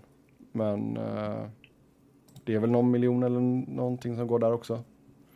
Ja. Så eh, ja, det känns inte som att man har något stort kvar i sig. Men det är väl också där de får vänta ut lite och se var, var, var allting landar och sen kan man plocka in något för, för djupet. Ja, för de behöver ju fylla ut rosten också. Mm. De har ju ingen full roster ännu. Nej. Nej. Mm, det var ju också roligt för att gå tillbaka till Kings lite snabbt där också. Blake snackar ju om det att de kommer antagligen ha- kort, eh, kort roster eh, lite då och då på grund av cap-situationen. Ja, det är så jävla uppflippat system att man måste ha på det sättet. Men, men så är det med det. Ja, vi får väl se vad Bulgarian hittar på. Någonting mer kommer ju Minnesota göra, även om det kanske blir något litet. Montreal. Där eh, skickar man Joel Edmondson till Washington. Behåller 50% på honom. Och så fick man ett tredje rundsval och ett sjunde rundsval 2024. Ja, äntligen fick Edmondson sin jävla trade. Mm. En jävla vi, den man höra rykten om det.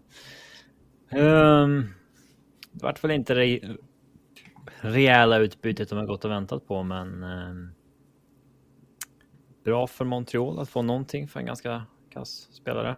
Ehm, visst, då får jag retaina lön, men det är väl det är ganska väntat. Mm. Så att då har ju det är bara hand om retaina på oss, det är ganska lugnt. Ja. Annars har han ju lite damage control att göra nu, Kent Hughes. Eh, vad tänkte du på specifikt? Eh, rätt mycket, vad heter det, um, eh, frustration kring draften. Alltså. Ja. Reinbacher har ju fått, eh, tydligen fått eh, rätt mycket skit på sociala medier och sådär. Och, eh, Montreal har blivit kritiserade att man liksom man får inte med sig något bättre än det här typ liksom. Och förra året var man besvikna med det också och lite sånt där. Så det börjar gnällas lite. Men vad fan vet folk om det? Ja, Det exakt. är skitsvårt att säga vilka spel som kommer vara bra och dåliga i draften. Ja, herregud. Du har ju, du har ju precis eh, idiotförklarat eh, oss tre också. Vad fan vet folk om det? Men liksom, det, det känns som ett lite växande fenomen att folk har så jävla bestämd åsikt om vem de borde drafta. Alltså Oj. det är, eh, det är liksom, och det är liksom folk som läser på en, två veckor innan draften och liksom bara bestämmer sig för att det här är det man ska ha. Eh, Jo, men det är ju alltså som vissa som, det var väl eh, Vancouver efter de, för de gick ju på Villander där va? Eh, och liksom bara, oh, another soft Swede, bla bla bla. Man bara, men vad fan vet ni om det? ja, det är för sig sant. Det är sant, det är sant. Nej, men liksom, men det, ja, det är väl inte jättenytt fenomen, men det känns som att det har vuxit, Ja, det absolut. växer mycket. Ja, alltså, det är så jäkla många som... Eh, läser på grejer kring draften som det inte var förr. Mm. Alltså det är så... Um, tidigare så var det säkert folk som slog på och inte hade en aning. Mm. Liksom. Men det finns ju alltså, och det är inte bara i, uh, i hockeyns uh, värld så att säga, utan det finns ju en klassisk sån, uh, nu vet jag att ni kanske inte följer NBA, men Nej. Kristaps Porzingis, letten, när han draftades av New York Knicks 2015 som fjärde spelare. Uh, och då var draften i Brooklyn på Barclays Center där Niklas har varit. Uh, mm. Och det bara, alltså Knicks-fansen bara tokbuar liksom. Och sen går han in och är en jävla stud. Uh, konstigt beteende liksom. Ja. Så äh, man ska nog inte ta ut för mycket i förskott i alla fall. Det är så, så mycket kan man säga. Sen är det klart att det finns vissa spelare som sticker ut som tokgivna, liksom Bedard och så vidare. Men eh, det är en crapshoot. Så enkelt är det. Vad tror vi Montreal kommer göra något mer eller är man klara? Inte vet jag. Men de måste ju förlänga med New Hook till exempel. Ja. Ja men det är väl det och sen är det väl klart mer eller mindre. Måste väl flytta, måste ja. flytta ut lite lön för att få plats med honom till och med kanske. De har noll capspace. Så ja då med andra ord. Uh, ja. Japp, japp, japp. Men uh, det om det. Mike Hoffman kanske man vill flytta på. Sista året här nu. Mm. Mm. Ja, de, de har en pitlick i, uh, i laguppställningen Niklas, så där kan du vara glad i alla fall. Man ska alltid ha en pitlicker. Mm. Rem Pitlick har de. Mm. Den fina släkten Pitlicker. Uh, japp. Nashville då, man köpte ut Matt Duchene. Nu kommer vi ta den från det hållet. Sen uh, skrev man ett fyraårskontrakt med Ryan O'Reilly. Capiten landar på 4,5 miljon. Sen skrev man ett tvåårskontrakt med Gustav Nyqvist. 3,1 miljoner. Treårskontrakt med Luke Chen, 2,75 miljoner. Corey Glass, två år, 2,5. Alexander Carrier, ett år, 2,5 miljoner. Det är lite... Det är lite blandade känslor kring Nashville. Ja, här. fråga um... från lyssnare. Vad tror ni Trots plan för nästa år är? Får lite dubbla budskap känns det som. Det finns ingen logisk anledning till varför de köper ut Matt Shane. Alltså det... Den går ju inte att begripa. Jag läste ju lite att Barry Trotz har kommit in och vill åtgärda någon liksom bristande karaktär i, i laget. Liksom. Att typ Ryan Johansson och Matt Duchene då vad man får anta eftersom den ena blir dumpad för ingenting och den andra blir utköpt. Mm. Då ska liksom varit roten till det problemet. Men liksom vad fan, du, du får ju inte du får ju knappt någon cap relief. Du ger liksom bara bort en 60-70 poängspelare för ingenting. Mm. Nej, men det är som vi sagt tidigare, de har liksom gjort motsägelsefulla moves en tid nu, liksom redan innan Barry Trotz kom också. Och, och liksom ena sommaren känns det som att de förbereder sig för att sälja av och, och liksom gå in i någon rebuild mode nästan. Och sen så nästa sommar så satsar de och sen så blir det lite halvdant och, och liksom nu liksom värva in Ryan O'Reilly, Gustav Nyqvist och Luke Chen. Det är ju liksom typ moves som en GM gör när man typ vill det. boosta upp ja. och gå för någonting. Verkligen. Eh, samt, samtidigt så indikerar man raka motsatsen genom att sälja av eh, vad heter han? Eh, Ekholm. Ja. Och sen eh, Johansson och Duchene kan ju paketeras in i den kategorin på något sätt också. Det var ju visserligen inte eh, trots moves, men eh, ja, alltså. Jag kan inte förstå. Om man nu fortfarande försöker vara competitive kommande år. Varför behåller man inte Duchene? Liksom? Den har jag väldigt svårt att begripa. Är hans liksom character så vidrig att han måste bort. Det kan inte varit omöjligt att trada honom på 50% retained istället. Det hade ju gett dem mycket mer cap relief och kortare eh, liksom problematik ja. med cap penalty. Så att jag, den är jättekonstig. Um, när de gjorde det, då tänker man okej, okay, nu tankar de ju skiten ur det här. Liksom. Det är det som är planen. Mm. Och sen mm. så signar du O'Reilly på ett fyraårskontrakt. Ja, alltså det tycker jag dock kanske var det bästa kontraktet som skrevs. Eh, alltså det är jätte, jättebra. Men det, det jag, blev, jag blev chockad när han signade så. Det, det, känns som att han skulle kunna kräma ut uh, jättemycket mer. Ja, ja alltså JT Confer kostar ju mer. Ja. ja.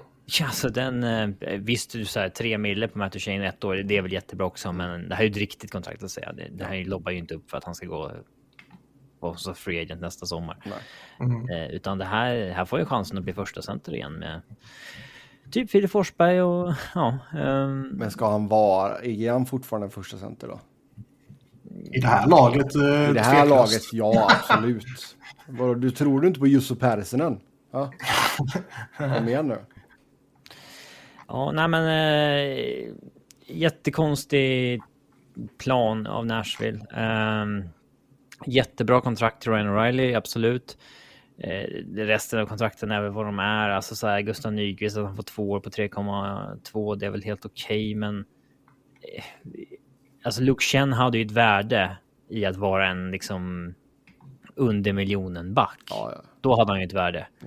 Men han ja, då har han ju tappat sitt värde liksom på ett sånt här kontrakt. Ja, men det är som att Bogosian hade, har ett värde med sina 800 000 i capita. Mm. Men eh, Luke Chen 33 år, 3 år, 2,75. Nu är det ju ett liksom, negativ value-kontrakt igen. Oh ja.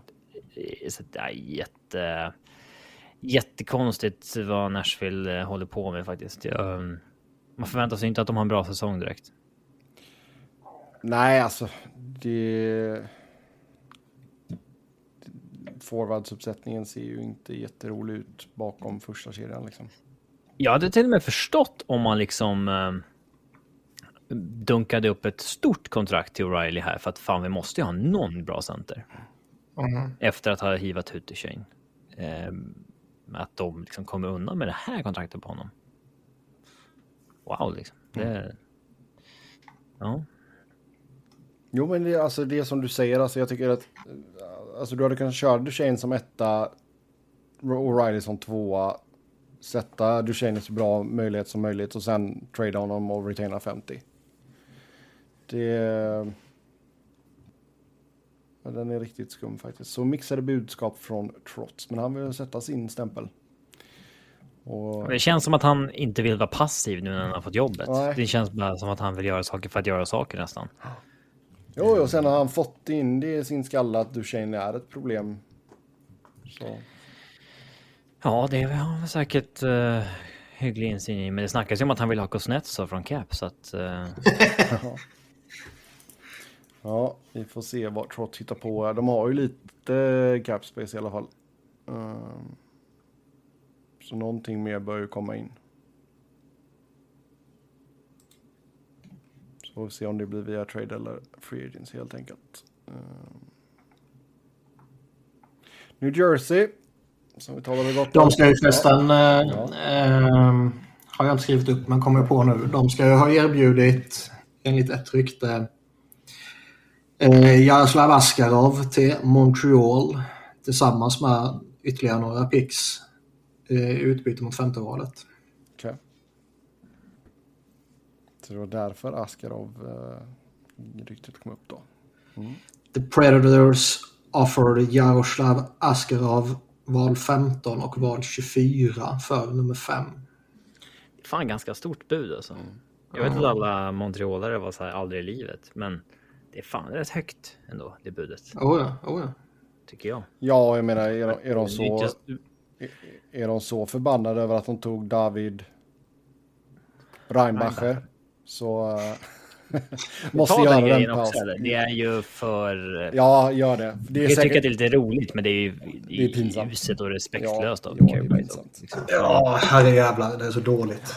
Det, det, ska, man, ska man göra en rolig grej och skicka upp någon sån här snubbe, då får man fucka upp det på Nej, Rob, Robin, dra den historien lite snabbt. Ja, han... De går upp och tar eh, jävligt lång tid på sig som pajasar som vanligt. Eh, ska tacka alla som har någonsin jobbat för organisationen. Eh, suga av David Poyle verbalt skulle alla göra. Jag vet inte varför det var David Poyle Appreciation Night eller någonting. Alltså, vad fan. Eh, och sen så... Nej, jag ska inte säga vem vi ska drafta. Det ska Carey Price göra. Sen ska med Carey Price fram och så har han glömt namnet på vem de skulle drafta. Eh, säger David, kommer inte ihåg och eh, sen förstår han inte vilket namn det är typ när scoutchefen säger det. Så det blir lite konstigt uttal på det men... Ah, man får inte fucka upp så där mycket. Det är ju taskigt mot ha, honom. Ja, ja herre det så fatta att liksom få, få sin stora dag förstörd. Mm. Uh, det finns ju den med Bobby Clark och Claude Giroux. Det är ju den. Ja, ja. Och det, det, ja. Det, det är, det är också konstigt med, med Bobby Clark då för att han var ju liksom högsta höns. Det här, måste ju, det här beslutet att drafta Claude Giroux, det måste ju liksom ha vevats i liksom eh, alltså senaste veckorna, typ dagligen. Ja.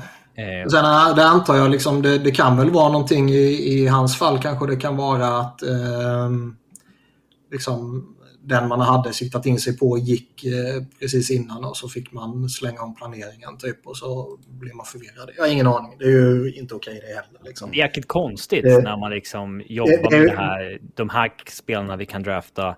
Alltså man borde kunna kunna de tio det kan bli utan och innan. Liksom. Mm.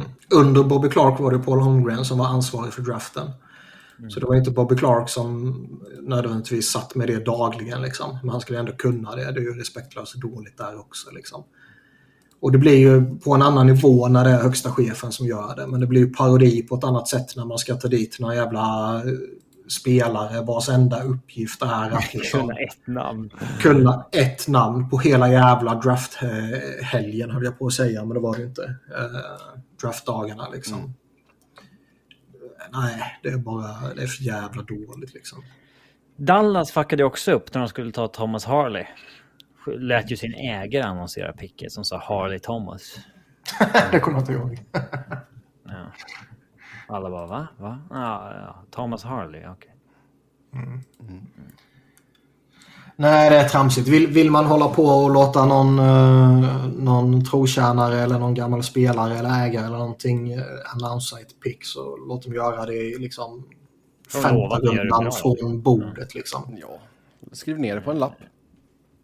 Ja, det kan, det kan inte vara svårt att kunna ett namn. Eh, och överlag, fan sluta att ta så jävla lång tid på när ni ska annonsera picket. Det är inte det är ingen som vill höra att alla ska tacka David Poyle för vad han har gjort hockeyn i 40 år. Alltså, eh, så jävla kul är det inte. Alltså vad tog det? klockar väl in på strax under... Back Tim Murray. Ja, men det tog väl strax under fyra timmar. Första rundan. Det var kul att se i alla fall att eh, um, Colorados Chris McFarland, han körde Tim Murray-grejen. Gick bara fram och sa liksom Colorado selects Mm. Det var man lite stolt över. Men jag vet inte om det var någon annan som uh, körde samma grej. För jag, jag, jag körde faktiskt på mute ganska stor del av showen. Mm. Nej, jag kommer inte ihåg. Jag kommer bara ihåg att det var ett jävla tjafs som, uh, som du sa, David Poyle. Mm. Mm. Men uh, ja, då tar vi och säger grattis till hans pension. Ökade, alltså det, det känns som det ökar mer och mer också det här med att GM kommer fram och säger och Ja, det är inte jag som ska annonsera valet utan våran director ja, of scouting. Ja. Mm. ja, det är vad det är. Nu går vi till New Jersey. Där som sagt plockar man in Colin Miller. Skickar femte rundsval 2025 till Dallas. Sen tvåårskontrakt för Nathan Bastion 1,35. Och ett år för Michael McLeod 1,4. De har också gjort sina grejer som tidigare. Timo Meyer och Tyler Toffoli skickat ut eh, Severson och sådär. Så det, nu tar de väl in Colin Miller för att eh, spela med någon av de unga lite lägre ner i hierarkin, antar jag. Ja. Japp. Men eh, kan man ha någonting mer i sig? De har lite pengar ändå. Ja, det bör de väl eh, nästan kunna ha. Jag kan samtidigt kan jag tycka att det kan finnas ett, ett värde för ett lag som New Jersey att behålla cap space för att eventuellt uh, göra något under säsongen. Mm.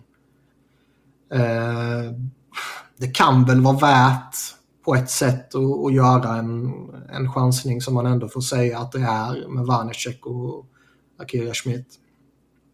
Uh, se om en eller båda av dem flyger. Mm. Och, är det ingen som funkar så får man försöka hitta en trade en månad in på säsongen eller vad det nu kan röra sig om liksom beroende på hur det går för dem.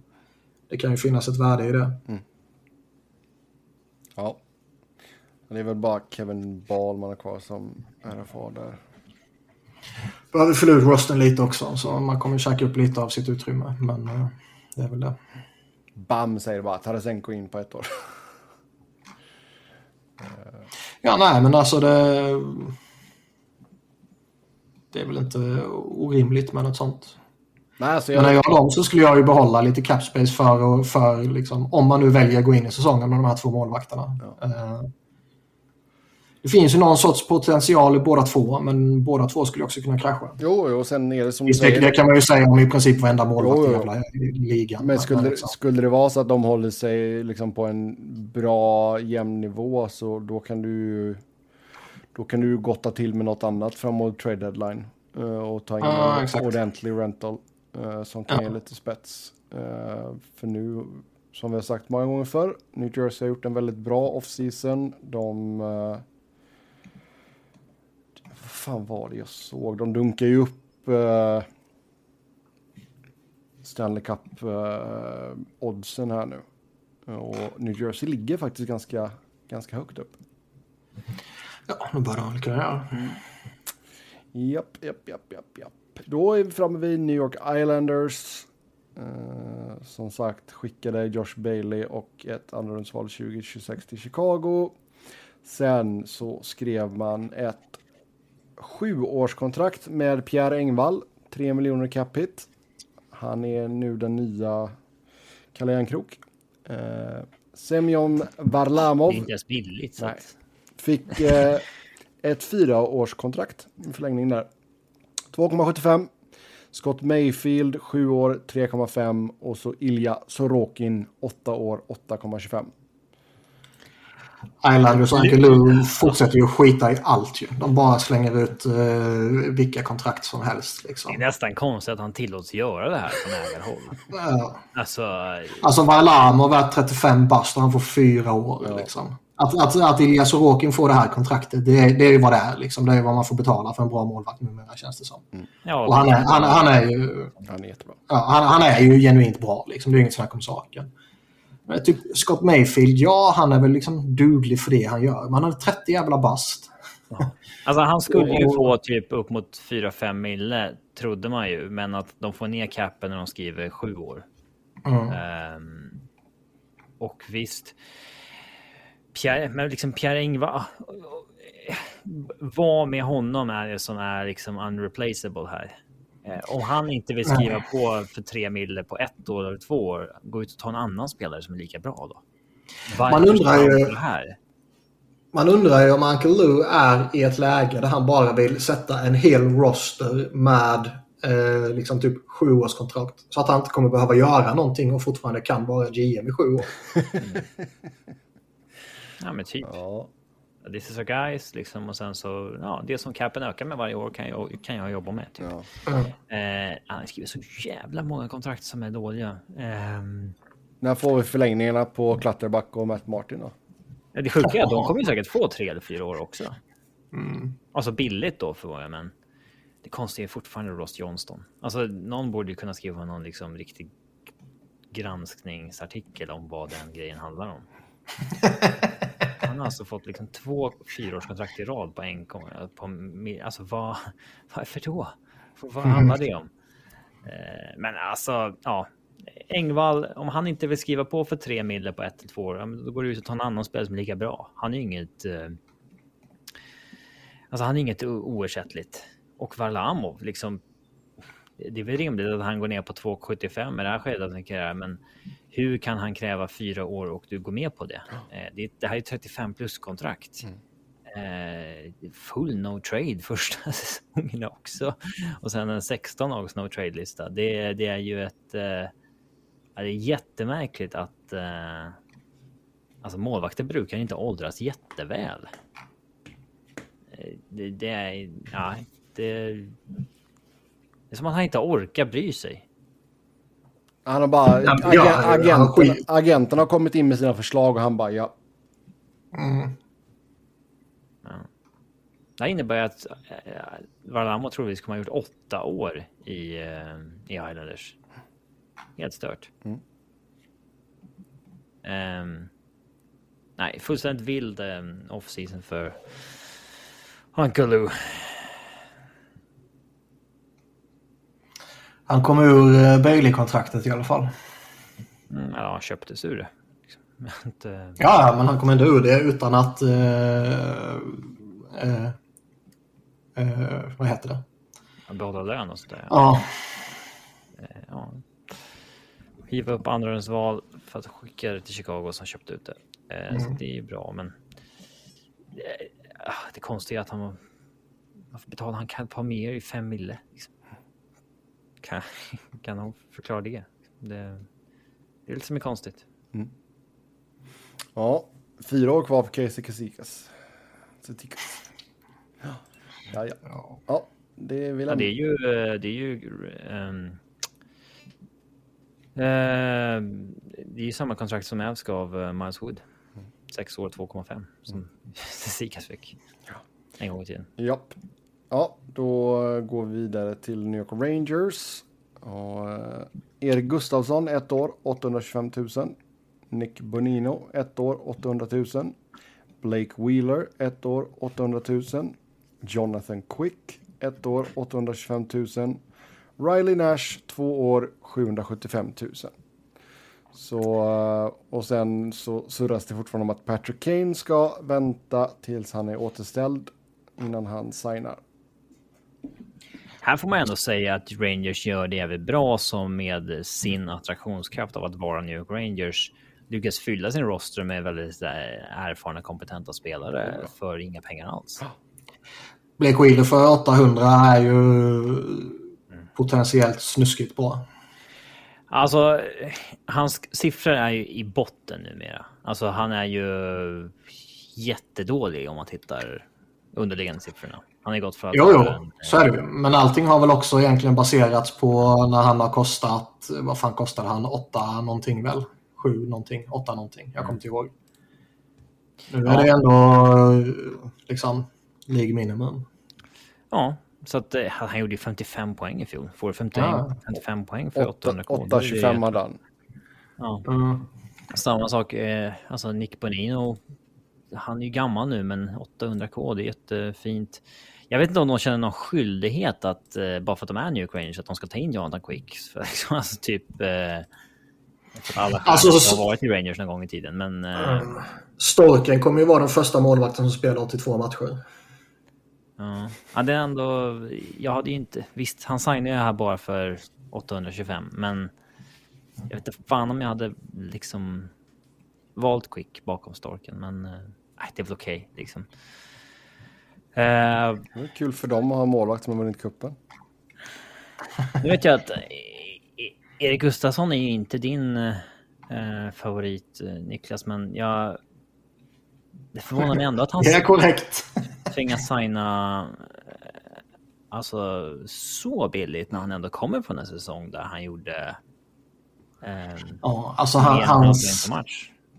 Hans karriärsutveckling är det är så sjukt fascinerande. Liksom. Han gör den där monstersäsongen och sen har han oflyt och inte vara pending UFA. Då, liksom. Ja, Och sen så gör han halvdant liksom. Och sen har han bara fått ta massa småkontrakt och skitkontrakt i princip sen dess. Ja, Trots att han ändå gjorde det OK som du sa i, i Caps förra året. Jag menar, Ghost skrev ju liksom fyra mille nu med Detroit. Jag förstår. Fast Ghost är mycket bättre än Gustafsson. Dig. Ghost hade kunnat få... Ja, men liksom Gustafsson borde kunna fått ett år, 2 miljoner någonstans eller någonting. För, Ja. jag tror ändå att han hade gått efter pengarna om det erbjöds för att han har inte tjänat så mycket pengar i NHL än. Han har ju inte haft de där kontrakten liksom. Eh, så att... ehm, Ja, vad har han för career earnings? 8 mille. Ja. Knappt vad vi liksom... Ja, knappt någonting. Ehm, och det här kanske var hans sista chans att casha in någonting. Så det... det ja. Han kanske blev erbjuden någonting lite vassare, men... ehm, jag vet inte vad hans fokus är. Kanske möjligheten att bo i New York, det lockade. Eller så kunde han tagit det bästa erbjudandet som kom. Det kanske var 1,2 i Arizona, jag vet inte.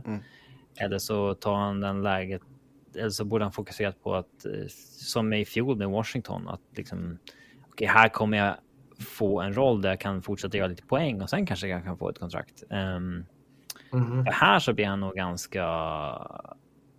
Begravd. ganska block, ja, liksom. Han kommer inte gå före Ryan Lindgren eller Ken Undermiller på vänstersidan. Nej. Nej, nej, nej. Kanske till och med hamna utanför liksom sexan.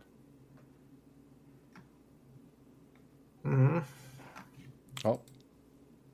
Jupp, jupp. Men Rangers kör bra som får in alla de här spelarna på ja, inga pengar alls, får man säga. Nej. Och sen eh, vänta in Kane där också då. De har ju lite pengar kvar, men de ska signa Lafreniere bland annat. Där har det ju kommit lite mm, olika budskap också. Där det å ena sidan sägs att nej, vi behåller honom och å andra sidan sägs det att liksom, nej, de vill dumpa iväg honom. Nu vet man inte vad han kommer kosta, men eh, liksom, är jag Philadelphia så är det ju en sån spelare jag tittar på för att liksom stått och stampat lite får man ju säga han har gjort och kanske behöver något miljöombyte och chansa på, på honom när det fortfarande finns en Ja, jättepotential. eller liksom. ge han lite. Alltså jag kan förstå att det är... Med tanke på den marknaden han är i så är det gott som etta. Det är jävla press. Men fan, du får ha lite tålamod alltså. Absolut, men det är tre säsonger nu. Och jag säger inte att han är dålig, för det är han verkligen inte. Och han, eh, Nej, har men han blir- Han är värd att vänta på, tycker Ja, jag. ja, ja, liksom. men alltså Men- men- det var ju... Hypen kring honom var ju enorm. Jo, ja. Men han var jävligt bra också. Ja. Eh, sen var han väl inte... Det är väl mer hype kring Bedard, men det var inte långt ifrån. Mm. Mm. Det om New York Rangers. Vi tar oss till Ottawa. Ettårsförlängning med Erik Brännström. Två miljoner. Sen eh, tog man in Jonas Korpisalo på fem år. Fyra miljoner capita. Och så är man ett av lagen som kopplas ihop med Vladimir Tarasenko. Ska vi ta eh, Brännström först så är det gjort? Det finns inget att säga om honom. Nej, okej. Värt Det är väl att... ett okej. Ja. Han har ju börjat bygga upp lite, ehm, alltså börjat etablera sig något i NHL nu. Ja. Eh, Och eh, det är väl ett... Behöver väl göra det igen för att få ett längre kontrakt. Typ så. Lite så. Men stora splashen är då Korpisalo in på fem år. Det här måste väl vara det sjukaste målvaktskontraktet som har skrivits i modern tid, va? Efter Rick DiPietro. Um, jag kan inte komma på någonting som vore, alltså som sticker ut mer crazy än det här. Rick DiPietro var ändå också liksom, de hade draftat honom etta och de försökte signa honom billigt över hela hans karriär på en gång. Man kunde ändå se någon form av um, rimlighet i det. Um, Bobrovski var ju galen. i hand vill jag slänga upp Brysgalov. Ja, men det var också så här. äh, det- Han hade ju varit en jättebra målvakt. Ja, jag vet, jag vet, jag vet. Jag ville bara säga det. Ja, och alltså Bobrovskis kontrakt, han hade, haft, han hade varit Vessina-nivå. Ehm, det som Kings sitter på, satt på med Cal Peterson, det var ju så här, ja, de, ehm, de chansade och skrev tre år när han hade ganska få matcher eh, för att de trodde att han skulle bli ännu dyrare. Det fanns ändå någon form av rimlighet i det och Eh, ja, vad var vi mer? Alltså när Ottawa signade Matt Murray förra gången, då var det ändå så här, ja, han hade ändå sin pedigree i Pens. Han hade inte varit bra på slutet, men han hade ju vunnit två kupper och varit outstanding i de eh, runsen liksom. Det fanns väl någon tro på att det kan komma tillbaks, men det här kontraktet, alltså Jonas Korpisol har ju varit Alltså en av ligans absolut sämsta målvakter säsong efter säsong efter säsong. Förutom i fjol då han var helt okej okay i eh, Columbus och i Kings. Alltså. Och nu är han 29 bast och får dessutom ett kontrakt som är eh, svinlångt. Fem år på fyra mille. Alltså det är modified no trade också. Det är. Det, jag kan inte komma på något målvaktskontrakt som när det skrevs eh, rent objektivt sett var sämre än det här. Nej. Vad skulle det kunna vara? Matt Murray? Nej, men alltså, som jag sa, han hade ju ändå vunnit två kupper i Pittsburgh och det fanns ju... Visst, det var ju förvånansvärt dyrt, men det fanns ju en logik i att satsa på honom i alla fall. Du kunde ju förstå det även om du inte, ja, jag hade inte gjort det liksom. Men det här är ju helt vansinnigt bara. Sen kanske det fortfarande blir helt okej. Okay. Målvakter är ju så. De kan ju vara dåliga som fan i sex jo, år. Alltså, är han, men... alltså jag, håller han den nivån han höll i Kings, så visst, då är det väl helt okej. Okay. Ja, i de tolv matcherna. Ja. Liksom. Det... Nej, men jag tycker att det är helt vansinnigt faktiskt. Och att göra det här efter att man precis tog sig ur Matt Murray-fiaskot. Alltså är man så dåliga på målvakter så ge fan jag signa så långa kontrakt åtminstone. Mm. de fattar ju inte hur de är dåliga på det. mm. Nej. Eh, fortfarande mycket snack om vad som kommer hända med Alex de Brinkat. Mm. Ja, den, eh, den var lite intressant där för att han hade ju. Det var ju han. Eh, hans sopiga... Eh, Bruce Garrier. Exakt. Han vevade ju lite mot The Brinket och hans camp. Eh, tror jag, va? Om att de... Ja, hans agent fick rätt mycket skit. Att, eh, om jag minns rätt så var det typ att Brinket hade liksom eh, fått tillåtelse och kolla runt typ liksom. Eller om de hade, han hade lämnat in en lista på fem lag eller vad det var liksom. Och så typ ah, två av de lagen var inte ens intresserade av honom och tre av dem var inte redo att betala vad Debrinkat ville ha. Liksom. Och, liksom, nu har agenten fuckat upp, hade han skrivit, men kanske inte med de orden. Mm. ja, han sa huge miss on the agents part, men mm. det kanske inte är så bra för Ottawa, men för Debrinket. Signa ditt Q och sen så blir du sen så blir du van när du är 26 bast när capen går upp. Mm. Varför, vad är det för fel att köra på den lösningen själv? Nej, om det inte är så att han typ vantrivs i, där liksom så signa ett ettårskontrakt mm. och, och lira i, i Ottawas topp 6 som är jävligt stark. Och ja, förhoppningsvis en, en bättre säsong. Liksom. Ja, det är en jättebra idé att satsa på sig själv i det här läget. Och han får ju ändå 9 miljoner på sitt QO då och även om hans karriär skulle gå åt helvete efter år. Han har fortfarande dragit in 30 miljoner dollar. Det är inte så att han kommer gå miste på att leva något lyxliv resten av livet om det är så, utan. Ja, han, han, han är redan ekonomiskt oberoende så, där, så att det. Att satsa på sig själv i det här läget tycker jag är det rimligaste man kan göra. Om han inte får den liksom, toppdestinationen han absolut vill gå till och signa long term där. Ja. Jag tycker väl att han och hans camp agerar fullständigt eh, rimligt. Mm. Jag är inte säker att Bruce förstår det. Nej. Ja, vi går till Philadelphia. Där eh, man skrivit ett ettårskontrakt med Ryan Pooling. 1,4 miljoner. Tvåårskontrakt med Garnet Hathaway. Strax under 2,4. Och sen tar man in Mark Stahl på ett ettårskontrakt, 1,1 miljon. Ja. Man var chockade att Mark Stahl ville gå till Philadelphia. Ja, efter Tory Krug-upplevelsen så. En kille som Mark Stahl skulle kunna gå till oss. Mm. Wow. Mm. det låter lite kul. Man, eh, man skickar ut en eh, homofob och tar in en annan är väl... Uh, Gissar man? En, vad sa du? Gissar man väl, eller? Eller var Giss... det han? Nej, det var Eric Stahl och Mark Stahl. De gick ut och... Det var Eric och Mark, ja okej. Okay. Ja.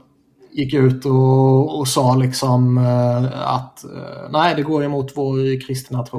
Och så gör Ja, jag som många andra och gömmer sig bakom eh, Bibeln. Bibeln. Ja. Jag fick för mig att det var Jordan och Eric ett tag, men det, var Nej, det var... Florida-pojkarna. Ja. Och liksom... Mark Stahl, tidigare tror jag att vi i ärlighetens namn nog kan ha underskattat lite vad han kan ha bidragit med i ett omklädningsrum och, och, och liksom eh, när han fortfarande var bra och bla bla bla liksom. Alltså han var ju helt en gång i tiden, men levde Ja. ju för sitt namn att Stahlbröderna liksom alla ansågs vara jättebra. Ja. Eh, Och det, och det här är ju liksom, det är inte två år sedan, det är många, många, många år sedan. men det är ju Rangers-tiden vi snackar. Ja, och nu är han ju en usel back. Oh ja. Och Har varit länge. Det, ja. Och det, det är ju liksom, eh, är man inne i en rebuild och man vill fortsätta drafta vettigt så finns det ju ett värde att ta in en sån spelare, givetvis. Jag tror fortfarande han, eh, liksom, potentiellt kan han vara nyttig liksom, i ett omklädningsrum och sådär i, i ett lag som eh, ändå har relativt få liksom, ärrade veteraner, om man ska säga så. Eh, sen är det ju liksom, skulle han klappa igenom fullkomligt så eh, 1,1 är ju liksom vad man kan begrava utan några problem. Men det man vet är att en sån där kille gillas ju även om han klappar sig igenom fullständigt. Alltså det, han kommer fortfarande få spela. Han kommer fortfarande få Ja, risken är ju liksom att om nu en uh, Ronnie Attard eller liksom Diego Samula övertygar på kampen så behöver de övertyga så helvetes mycket för att en fin respekterad veteran som Mark Stahl ska skickas ner eller sättas på läktaren. Liksom. Eh, så jag, jag, jag kan begripa lite hur de tänker liksom, att vi vill ha in veteran presence i bla bla bla, liksom det här tramset. Liksom. Men eh, det känns som att man, man borde kunna hitta något som faktiskt kan, kan bidra på ett vettigt sätt och som inte är en, en jävla Alltså, man- big off. Liksom. Man vill ju ha någon som är lite av en role model för de yngre såklart. Ja, Jag, jag tror att det är svårt för att yngre spelare ska liksom säga fan, titta, se upp till Mark Stahl, kolla hur tidigt han kommer till träningen varje dag, kolla hur seriöst han gör allting. Han är visserligen sämst på isen, men fan vad... Alltså det, du, du måste ju vara... Jag tror att du måste vara bra på isen för att an, yngre spelare ska se upp till vad du gör. Ja, alltså det, Ja. Jag menar, det var ju där som jag tycker Jager var ju en inspiration för de yngre. Jag menar, han var ju fortfarande bra, plus att han Ja. liksom trän, riktig träningsnarkoman liksom. Eller så ska det vara en trotjänare. Liksom. Mark, Mark Stahl har, har gjort eh, 1100 matcher i Philadelphia. Han får ett nytt ettårskontrakt trots att han är dålig. Liksom. Eh, då är det ju en annan grej också. Men, eh, det här, nej, obegripligt. Eh, Ryan Poling, liksom, är ja, det finns ju inget att säga. Det är liksom, han kommer fylla ut bottom six. Han kommer göra det hyggligt. Liksom. Han, han, är ändå, han är ändå OK. Eh, ettårskontrakt är liksom irrelevant i sammanhanget också. Gareth Hathaway är ju liksom, det är ju en ny jävla dåre de plockar in. Eh, Han har ju varit en av de mest eftertraktade fourthlinerserna, eh, ska Ja. sägas. han, är, han är ju bra på det han gör. Och jag menar, ska man ta in en sån här spelare så är ju typ han en av dem som man i så fall kan vara tillfredsställd med att de tar in. typ. Liksom. Men det är ju ändå en jävla dåre och åkt runt och slickat på folk eller spottat på folk eller vad fan det var han gjorde. Man blandar ihop alla de här dårarna. Flyers behöver inte fler sådana här. De har ju det. Nej, ja. Eh, Då kommer vi liksom ha en fjärde kedja som består av Nick Delorier och... Eh, eh, jag har redan glömt vad han heter. Gareth Hathaway. Ja. Eh, Hade det varit ett år, hade varit Ry- Ryan Poling. eh, att flippa honom vid deadline sen. Eh, Ja, nej, då, då är det väl till och med vettigt liksom. Eh, men... eh, Ja, du hade kunnat kört ett år, tre mille. Så här, vi bjuder mest så att han ändå kommer hit och sen så flippar vi 50% retainat vid deadline. mm. Eh, det hade ju kunnat varit en, en plan. Man undrar, kä- känslan man får är ju lite liksom att eh, Daniel Briere och, och, och liksom de andra på kontoret, de liksom de kunde sjösätta Mishkov-planen och genomföra den och allt sånt där. Men sen måste de ändå stryka tårtan lite medhårs. Uh, och då liksom, ja men du får in Mark Stahl här liksom, det kommer du ju gilla. Och du får in Garnet Hathaway här, det kommer du ju gilla. Liksom. De är jättedåliga, det kommer du gilla. Det... ja. ja, men det är... Det, det är så här, om man håller på Flyers, man vet ju att de inte kommer vara competitive kommande åren då, så det är ju lite skitsamma vilken dålig spelare som spelar. Men man vill ändå inte ja. se att en ny GM liksom så här, ja men jag ser ett värde i Mark Stahl, jag ser ett värde. Det ger ju liksom lite varningsklockor. Så är det. Så samtidigt, liksom, man kanske övertolkar. De behöver fan fylla ut rosten på något jävla sätt. De behöver hitta någon snubbe. Liksom. Och som sagt, när man rebuildar, det finns ett värde i att kanske inte ta in de bästa spelarna. Ja, typ. Eh, jag hade försökt targeta spelare som jag vet kommer vara attraktiva vid deadline. Eller som jag vet ja. andra kommer vilja ha sen. Alltså, det, man kan ju garanterat få ett pick för honom. Liksom. Om inte han är helt jävla fullkomligt värdelös. Så att till och med The Hockeymen inser det. Liksom. Kan, kan du få ett pick för honom. Det kommer inte vara second rounder, men liksom... Alltså jag hade kunnat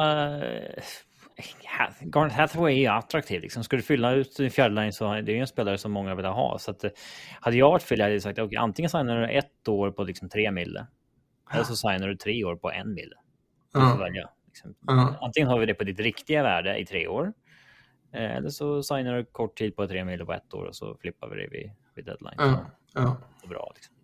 Men hit ska du, typ. Um, mm -hmm. uh, Ja, man har ju lite mer cap space. Se om man hittar på något mer. Ja, DeAngelo väntas ju fortfarande försvinna också. Ja. Man har ganska mycket cap space här om man räknar bort Ellis också. Mm.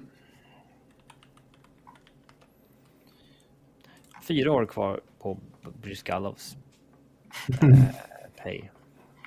Mm. Ja, ska vi lämna Philly där och, och gå till Pittsburgh? Och... Ja, Kyle Dubas eh, Aktiv. Aktiv, ja. Eh, Matt Nero, ett år, 900 000. Alex Nedeljkovic, ett år, en och en halv miljon. Tristan Jory fick ett nytt femårskontrakt, 5,3 miljoner capita för honom. Ran Graves kommer in, sex år, 4,5 miljoner. Noel Asiari, tre år, 2 miljoner. Lars Eller, två år, 2,45 miljoner. Och sen sägs man diskutera Erik Karlsson med Sharks. Karlsson? Mm. Pilla in ja. den kapiten. Det verkar ju faktiskt som att det är Pittsburgh som är huvudalternativet nu. I alla fall det som har läckt ut. Det passar ju väldigt mycket deras window. Det alltså, gör liksom, den, uh, Men hur får du ihop den rent capmässigt? Ja, det beror på om det retainas och hit och dit. Ja. Vi får se. Men de movesen som är klara nu i alla fall, vad säger vi om uh, Dubas? Blandar och ger lite här tycker jag. Alltså ett och ett år 900 000, bra värde tycker jag. Mm. Inget konstigt. Eh, Nedeljkovic 1,5. Jag vet inte varför. Du har ju redan The Smith signat på 1,8. Um, det var ju lite snack om att The Smith kanske blir uh, tillgänglig här. Ja, men vem vill ha honom? På 1,8, det är väl... LA, han är uppgradering där. Det skulle mm. han vara. Uh, ja, nej, det, den tycker jag är lite konstig. Jag tycker kontraktet på Tristan Jari är ju liksom... Han, han, är inte en målvakt som ska ha sånt där kontrakt. Alltså så bra har han inte varit. Uh, så att den... Uh, den tycker jag inte de gör bra. Um, Ryan Graves, det är en ganska bra topp 4-back. Jag kan tänka mig att han skulle haft fyra mille på fyra år eller någonting. Nu vart det fyra och en halv på sex år. Det kändes i högsta laget alltså. Um, men vi, man kan inte alltid gömma sig bakom det här heller att capen kommer vara uppe om några år. Nej. Alltså, det är nuvarande cap hit som styr marknaden och det är den du får gå efter. Uh, så att. Um, eh, Lars Eller 2 år 2,45. Ja, alltså jag tycker att han var en okej okay fjärde center i Avs där, men jag, jag, trodde att han skulle vara, behöva vara nere på en mille nivån för att få vara kvar i ligan. Mm. Eh, så jag blev förvånad att han fick så mycket pengar. Eh, Noel Azariari, ja, jag vet inte. Två mil tre år, lite väl mycket eh, term och sådär för en eh, djupspelare. Mm. Man är ju lite skeptisk till Kyle Dubas inledning i Pittsburgh. Mm, det... Visst, skulle, skulle han lösa en Erik Karlsson-trade och, och den ändå ser liksom OK ut för dem, då uh, ser allt uh, plötsligt jävligt spännande ut. I den traden med San Jose så hivas ju Mikael Granlund garanterat, garanterat. till San Jose. Eh, ja. Ihop med kanske en Casey Smith eller någonting också. Ja. Så att eh, någon lön måste ju gå åt andra hållet. Jag kan också tänka mig att det är så här, hörru, Jeff Carter. Vill du inte ah, ja. ändå i... Eh... Kanske. Jag kan tänka mig en Petri eller något sånt där också. Ja. ja. Um... Ja, så länge inte Petri har San Jose på listan så. Mm. Så visst. Men ja, försöka övertala Jeff Carter. Du vill ju inte flytta tillbaka till Kalifornien. Du gillar Kalifornien. Ja, vill inte avsluta på. Ja. Var det inte du som hotade med att lägga av ifall du inte skulle behöva flytta från Kalifornien? Mm. Sorry, you are rate limited. Please wait a few moments then try again. Uh, ja, vi kommer till den. Uh, Slog det dig nu eller? Ja. ja. Japp, japp, japp. Men då går vi till uh, San Jose då. Och uh, man tradade ju till sig Anthony Duclair där från Florida. Steven Lawrence och ett 50 rundsval 2025 försvann. Sen uh, tog man in Blackwood tidigare. Så McKenzie fick ett tvåårskontrakt, 2,35 miljoner capita för honom. Fabian Zetterlund, 2 år, 1,45 och Kyle Burrows, 3 år, 1,1 miljon. Lite intressant med Duclair ändå tycker jag.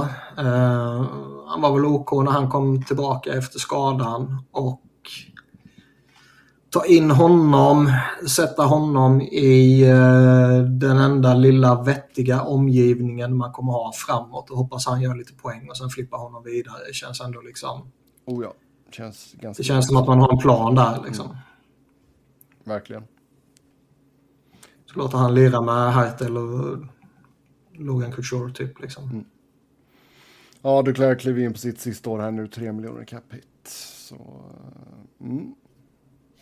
Så det är väl det. Annars är det väl Erik Karlsson-grejen som är den stora. Och det, det verkar ju som att den, det skulle kunna ske något. Ja, alltså som Robin sa, alltså det passar ju in i Pittsburghs fönster. Det gör det ju. Definitivt. Så får se om de kan lösa den helt enkelt. Nu är det bara tre år kvar på Vlasic. ja, tiden går fort. fort och långsamt på samma gång känns det som. Ja, ja verkligen. Uh, sju miljoner för honom är fortfarande ohyggligt mycket. Men, men. Ja. Vad tror vi om Blackwood då? Poddfavoriten? Han konkurrerar... Du tjatar så mycket om honom nu så det är tröttsamt att höra om honom. Men... Han konkurrerar ut Jag fattar inte varför han får så mycket pengar. Nej. Nej. Japp, japp, japp. Seattle. Brian Dumoulin, två år, 3,15. Kyler Yamamoto, ett år, en och en halv. Dumlin har ju tappat lite här mot slutet men jag tyckte ändå man höjde lite på ögonbrynen när Pittsburgh släppte honom. Men det kanske var liksom det kanske var läge att göra det och det kanske var liksom enkelt att göra det nu när det kom in ny GM ja, hela köret. Lite så. Eh, annars har han varit rätt duktig för dem rätt länge. Men eh, det har väl börjat dippa av där nu. Eh, annars liksom Yamamoto, ja det är väl vettigt att chansa på honom. Det kanske fortfarande kan finnas någonting där. Jag tycker väl Seattle är ju liksom... De har ju inte jättemånga jättebra spelare, men de har inte heller några dåliga spelare. Liksom. Alltså det är ju en jävligt stabil forwardsuppsättning får man ju säga. Nej, men lite så. Det är liksom, tittar man på många andra rosters så finns det ju någon eller några genuint riktigt värdelösa spelare. Liksom. Men uh, i och med att de ändå fick ihop expansionsdraften på det sättet och de, de verkar ändå ha ett rätt vettigt team bakom Ron Francis där. trots att de anställde då en Dave Hackstall. Men um, jag tycker inte riktigt man kan peka på deras roster och säga liksom där finns en genuint dålig spelare. Nej. Nej, jag menar liksom det, de tog ju en liten chansning på tolvanen som ändå slog väl ut. Mm. Och Benier ser ju ut att kunna bli riktigt, riktigt vass. Um, men det är väl just det, alltså just spets kanske inte riktigt finns där. Alltså visst, McCann pissa in mål, men... Ja. Jag vet inte om det är någonting man ska banka på att han kommer vara 35-40 mål varje säsong. Liksom. Ja, exakt. Så visst.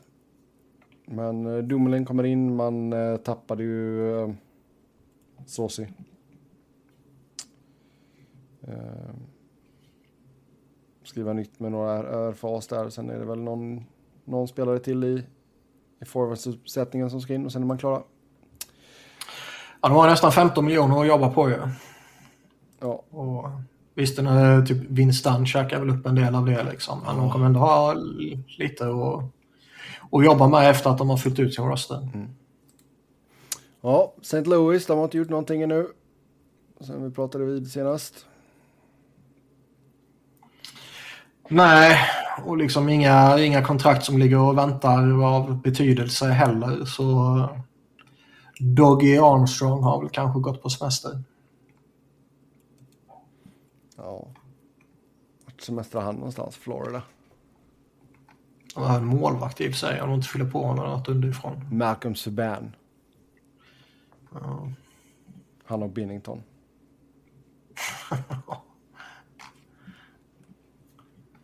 Nej, det finns inte mycket att säga om Blues inte. Nej. De är lite vad de är. Vi går raskt vidare då till Tampa Bay. Skickade då Corey Perrys rättigheter. Även sa tack och hej till Maroon som vi pratade om tidigare. Ehm, men sen skrev man tre år med Connor Sherry, 2 miljoner. Två år med Luke Glendenning, 800 000. Ett år med Calvin DeHaan, 775 000. Eh, lyssnarfråga. Är detta slutet för Tampa nu och en fire sale infaller inom några säsonger eller kommer de tillbaka när capen ökar? Eh, alltså så länge de har den här kåren så kommer de att vara comparative i många år till. Eh, sen är man ju inte...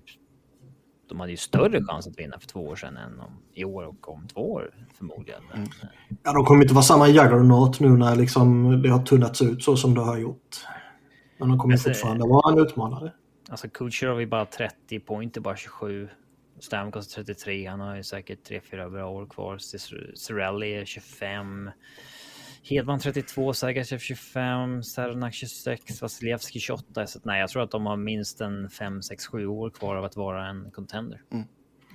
Det skulle bli otroligt spännande att se Victor Hedman framåt ju. Han börjar komma upp lite i åren nu. Han har uh, jävla mycket mil i den där kroppen.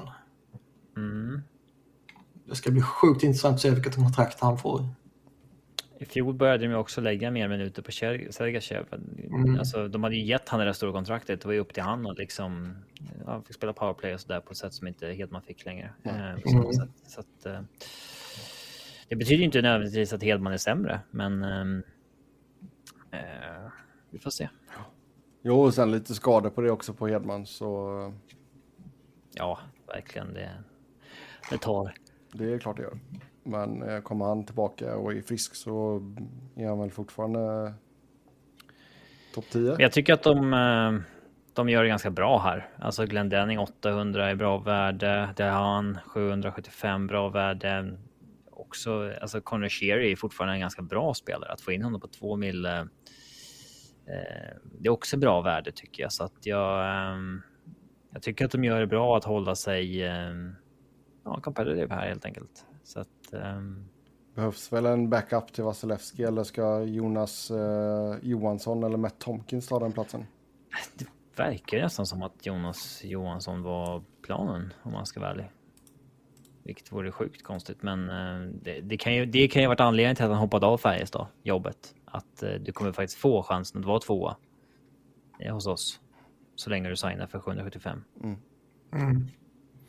Ja, annars Tomkins kommer ju över också från eh, SHL här på 7,75. Så visst, de får slåss om den då.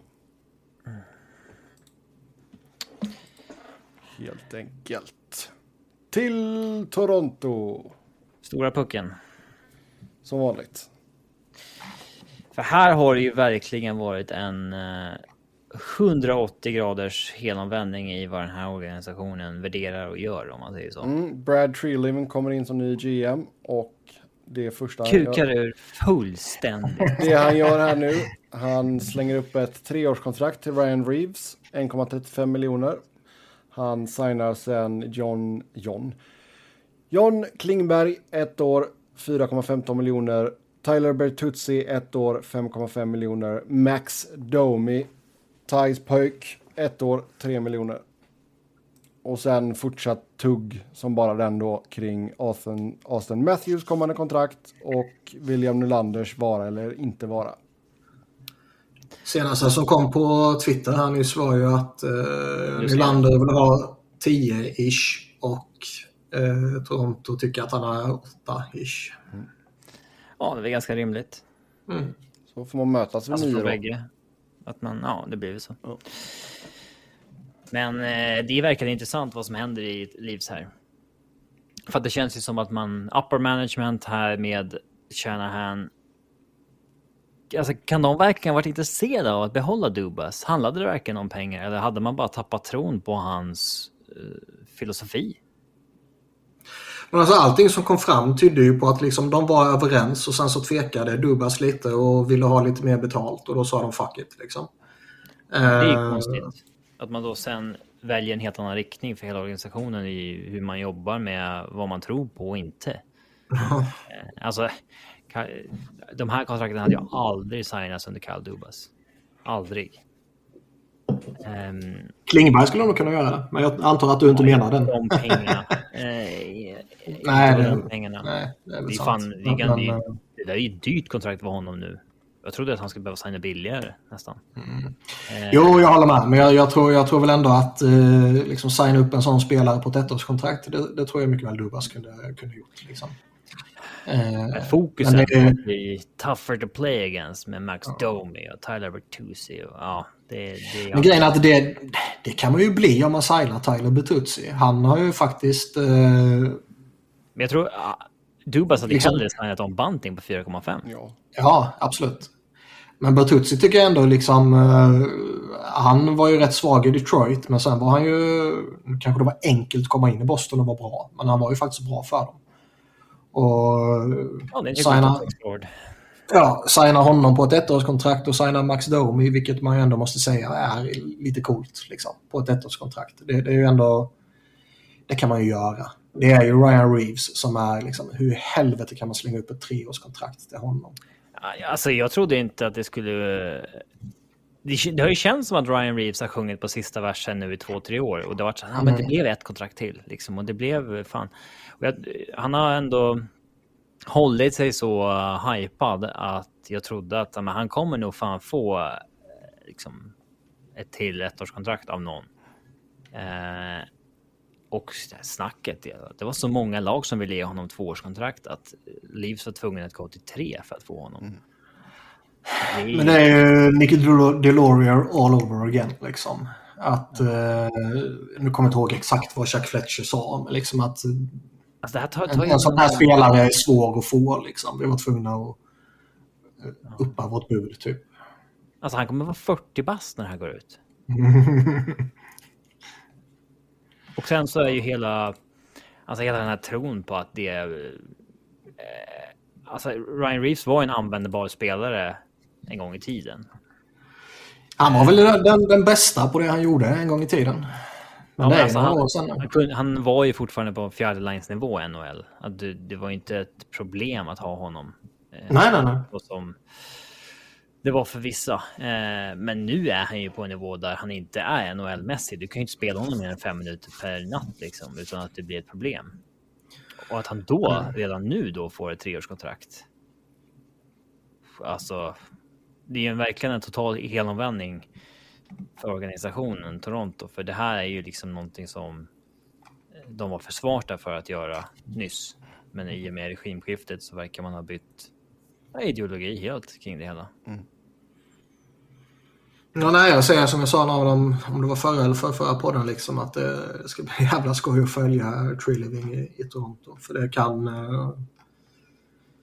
Man hade ju känslan på, liksom, baserat på vad han har gjort i Calgary, så hade man ju känslan för att det kunde bli lite bonkers. Och det har det ju redan börjat bli lite. Ja. Så det skulle bli intressant att se vad som händer här med Nylander och Matthews framåt också. Ja, ja sen de har de var, just nu ligger de 8,8 miljoner över kappen.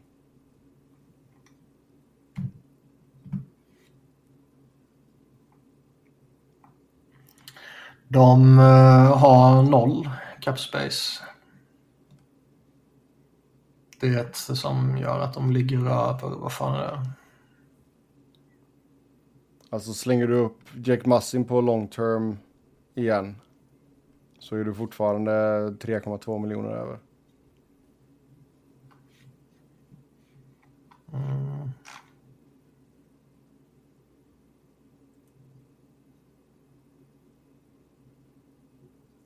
Så, uh, ja. Ja, det får visa sig. Det får visa sig. Matt Murray kanske försvinner. Det var ju lite snack om ett utköp där ju. Ja. Japp, japp, japp, japp. Mm, Vancouver går vi till next. Teddy Bluger, ett år, 1,9 miljoner. Carson Sosi, tre år, 3,25 miljoner. Ian Cole, ett år, 3 miljoner. Ja, det var inte mycket spännande här alltså. Carson Susi är väl OK. Uh... Det man reagerar nästan mest på är väl 3 miljoner för Ian Cole. Mm. Han har fortfarande ganska bra underliggande siffror och sånt där. Och, så att, nej, jag tycker nog att den är ganska rimlig. Okay.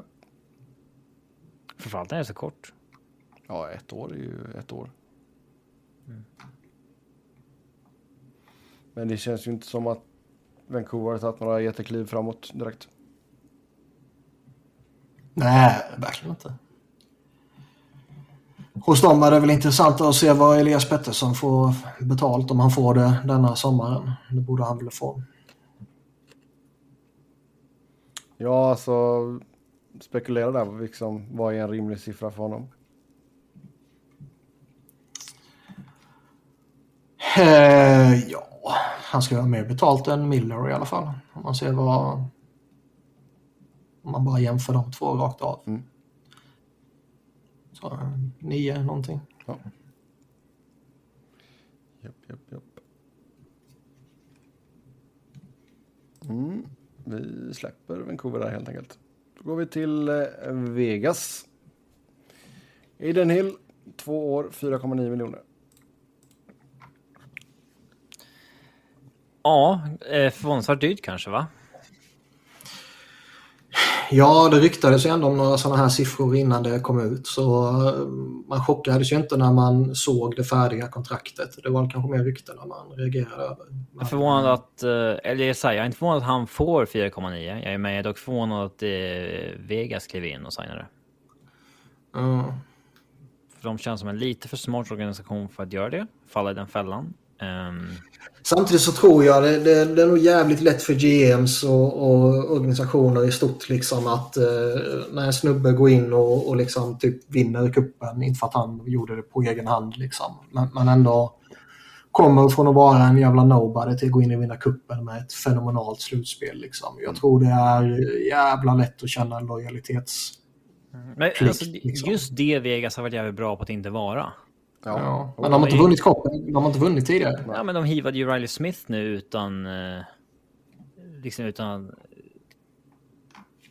Alltså, den var ju känslig att göra. Jo. Han har liksom varit deras ja. gubbe sen de kom dit och sen så vinner de kuppen så hivar de honom direkt. Ja, men där kände, Absolut, där men han var inte lika instrumental till kuppen som, som Hill var. Liksom. Nej. Och de kände väl att Barbachev liksom ger dem mer också. Ja alltså liksom eh, ett icke känslomässigt eh, beslut. Ja. De har ju varit väldigt osentimentala när det kommer till att liksom uppgradera någonstans. Det har vi ju sett genom åren. Liksom bara skicka ut vem som helst. Liksom. Ja. Mm. Jo, men jag tror... Därför lite förvånad att de Jo, men hade det varit Brossois som hade gjort, alltså hade inte han gått sönder och han hade varit, han inledde ju bra också liksom. Det, då hade det varit Bro- Brossois som hade suttit på detta kontraktet. Alltså, eh, vad hände med Robin Lehner då? Ja, det är det ju ingen som vet. Det är ingen som vet. Fan. Så det är ingen idé att vi ens spekulerar. Det, de vet ju inte ens hur det går med hans rehab hemma i Sverige. Vet inte hur det går med hans rehab. Nej. Vad fan. Ja, de har ju sagt det. De, de har ingen aning. fan. Jaha. Det är, jag vet inte ens om vi kommer se Lener igen. Ingen aning. Ja, Det, det, det är din spekulation. Ja, det är min spekulation. Jag har ingen aning. Så enkelt är det med det. Vi, eh, ja, alltså Vegas har ju sitt lag här nu. Det är ju satt mer eller mindre. Ehm, Så det, vi lämnar det därhen.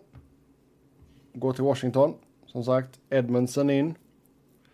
Sen så skrev man ett ettårskontrakt med Max Pacioretty. Två miljoner i grund och sen eh, två miljoner i eh, potentiella bonusar. Som är jäkligt lätt att upp då. Ja, Så det kommer bli en 4 miljoners capita. ja. Princip. Ja, om han spelar. Det är ju liksom eh, en jättechansning med tanke på var han kommer ifrån. Ja, men eh, rapporten är väl att han ska vara frisk, eller? Ja, men det skulle han varit förra gången också. Och sen höll han i fem matcher. Mm. Så det är ju liksom, eh, det är inget snack om att det är en, eh, en jättechansning. Faller det väl ut så är det ju jävla fyndpotential. Då har han ju goda möjligheter att vara mycket mer än en 4 miljoner spelare. Men eh, det kan också bli att han går sönder. Eller liksom är en skugga av sitt forna jag. Så det, det är ju en, en, en chansning. Men kanske en chansning som är intressant att göra ändå. Ja, sen är det väl kanske nytt med Martin Fehervari då. Och sen ska det in någon mer forward och sen är det klappat och klart. Ja, se om det blir något med Kuznetsov. Ja. Ja, alltså det... Han har ett år kvar efter kommande säsong på 7,8. Eh, och det verkar ju vara lite halvstökigt i relationen där. Eh, Mm, Man tycker ju att nu börjar man ju, det synas lite att eh, Caps börjar tappa i alla fall, äntligen. Hoppas det håller i sig. så... Det kommer ju bli sjukt spännande för övrigt om Caps eh, är utanför slutspel när det blir bankas trade deadline och man sitter med Tom Wilson som pending UFA. För det är en spelare som många lag vill ha in inför ett slutspel. Oh ja. Tough to play against. Och så vidare. 16 lag kommer buda hur mycket som helst för att ta in honom inför slutspelet. Eller 16, förmodligen 20-talet eftersom det är de som jagar slutspel också. Ja. Mm. Oh ja. Det, där har Finns det de... någon organisation som aldrig skulle ta in honom? Ungefär som att Boston aldrig skulle ta in Matt Cook. Har han, är det någon som han har slaktat som är liksom den... Minns inte. Nej, kommer Han dödade ju nästan Oskar Sundqvist med en tackling där i Blues, men det... Eh, Rangers skulle vi inte ta in honom tror jag. Där har han ju... Mm. Den, den är nog för känslig. Ja.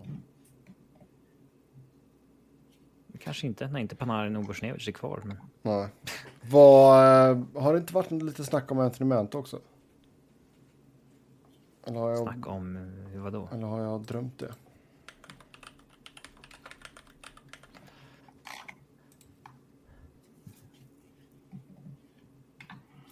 Jag vet inte vad du pratar om. Vad för typ av snack? Ja, att de ska Det är, vara... säkert, det är säkert någon som har snackat om honom i något sammanhang. Ja, Capi- the Capitals have reportedly openly engaged teams about Kuznetsov and Mantas availability. Så, Ja, Manta borde man fan bara få vänta ut alltså. Den blev inte Kus-. Kuzne- Kuznetsov kan man väl ändå liksom se något lag typ chansa på. Absolut. Ja, då är vi framme vid Winnipeg, sista laget här. Man köpte alltså ut Blake Wheeler Sen eh, gav man ett tvåårskontrakt till Vladislav Namestnikov på 2 miljoner. Och sen gav man ett ettårskontrakt till Laurent Brossois på 1,75. Så Brossois tillbaka i Winnipeg nu. Skulle också säga att de tydligen har kommunicerat att de inte har några problem alls att behålla vare sig Scheifele eller Hellerback. Typ. Och sen... Sen om eh, det är så eller om det är någon sorts förhandlingsknep, det vet man inte. Nej, det måste ju vara bluff liksom.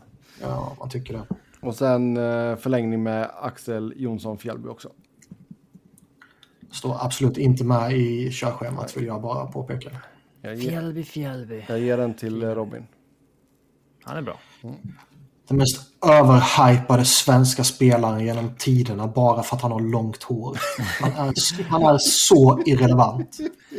Vad konstigt att folk med dåligt hårfäste är avis på det.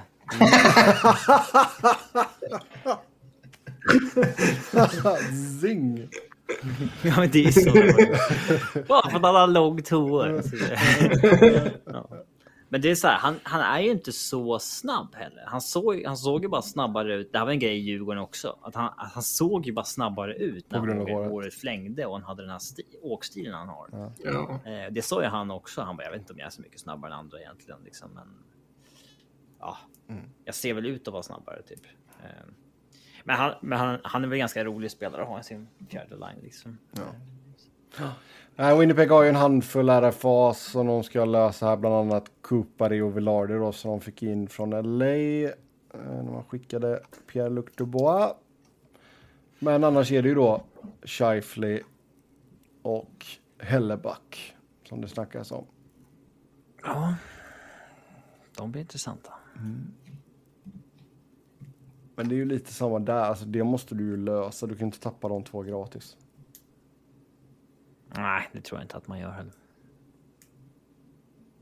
Sen, Nej, det är inte båda två i alla fall. Kanske att man behåller Scheifele och bara rider ut kontraktet liksom.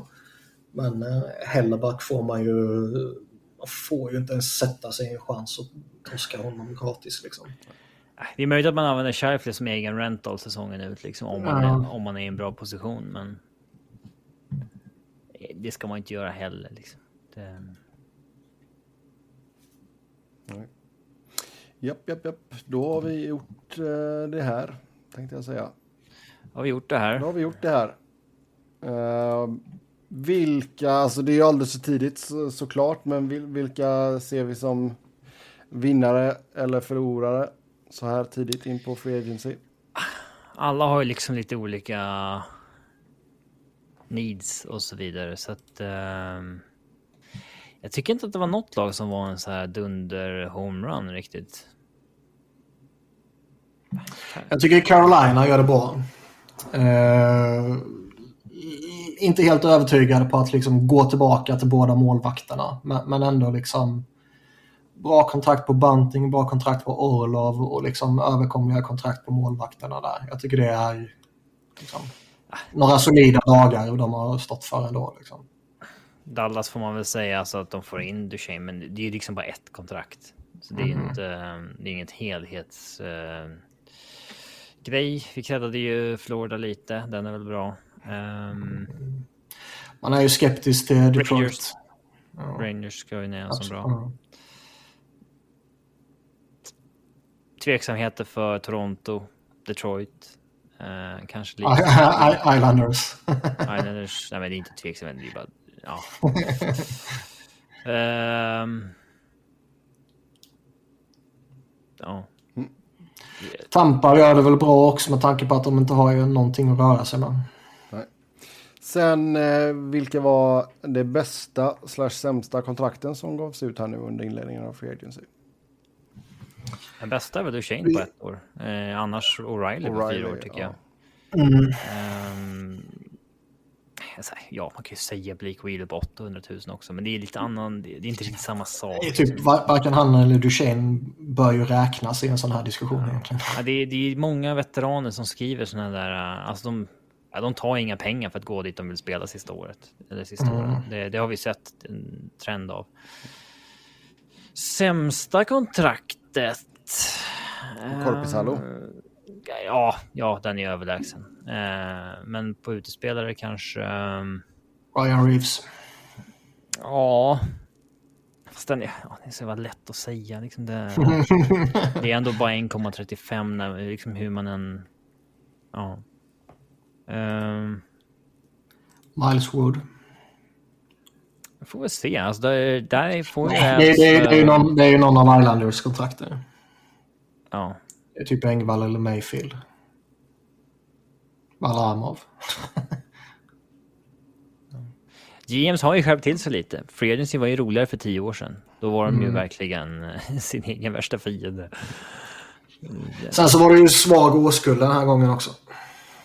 Mm. Skriver Andy Strickland att Vladimir Tarasenko närmar sig ett beslut. Han har sex olika bud att ta ställning till. Vissa ett år, vissa multi-år. Mm. Mitt eh, tweetdeck fortsätter rulla. Ja, jag... Men det, kom, det, kom, det kommer upp med regelbundna mellanrum så kommer det upp det där meddelandet att rate limited bla bla bla, avvakta bla bla bla typ. Mm. Och så väntar man eh, två minuter och sen så laddas de senaste tweetsen och så scrollar man igenom dem och sen så kommer det upp igen och sen så väntar man två minuter. Ja, vi har fått uh, lyssnarfrågor här. Hur mycket hatar ni Elon Musk just nu? Hur mycket mer hatar ni Musk? Ah. Det går ju inte en vecka utan att Twitter-upplevelsen blir sämre och sämre och sämre. Och det här senaste att man liksom begränsar möjligheten att se inlägg i ett socialt medium där det är användarna som driver hela jävla flödet liksom. Ja. Det är inte så att Twitter gör något eget. Ja, alltså. Det här är ju en dåres, liksom en biljonär som tror att han är smartare än alla andra och hittar på någonting som egentligen är jätteologiskt. Han, han har ju bevisat sig vara en fullständig dåre. Alltså, han är... och liksom, jag, jag läste någon artikel där, där liksom där, där de då hävdar att Elon Musk liksom motarbetar den här nya CEOn som han har tagit in.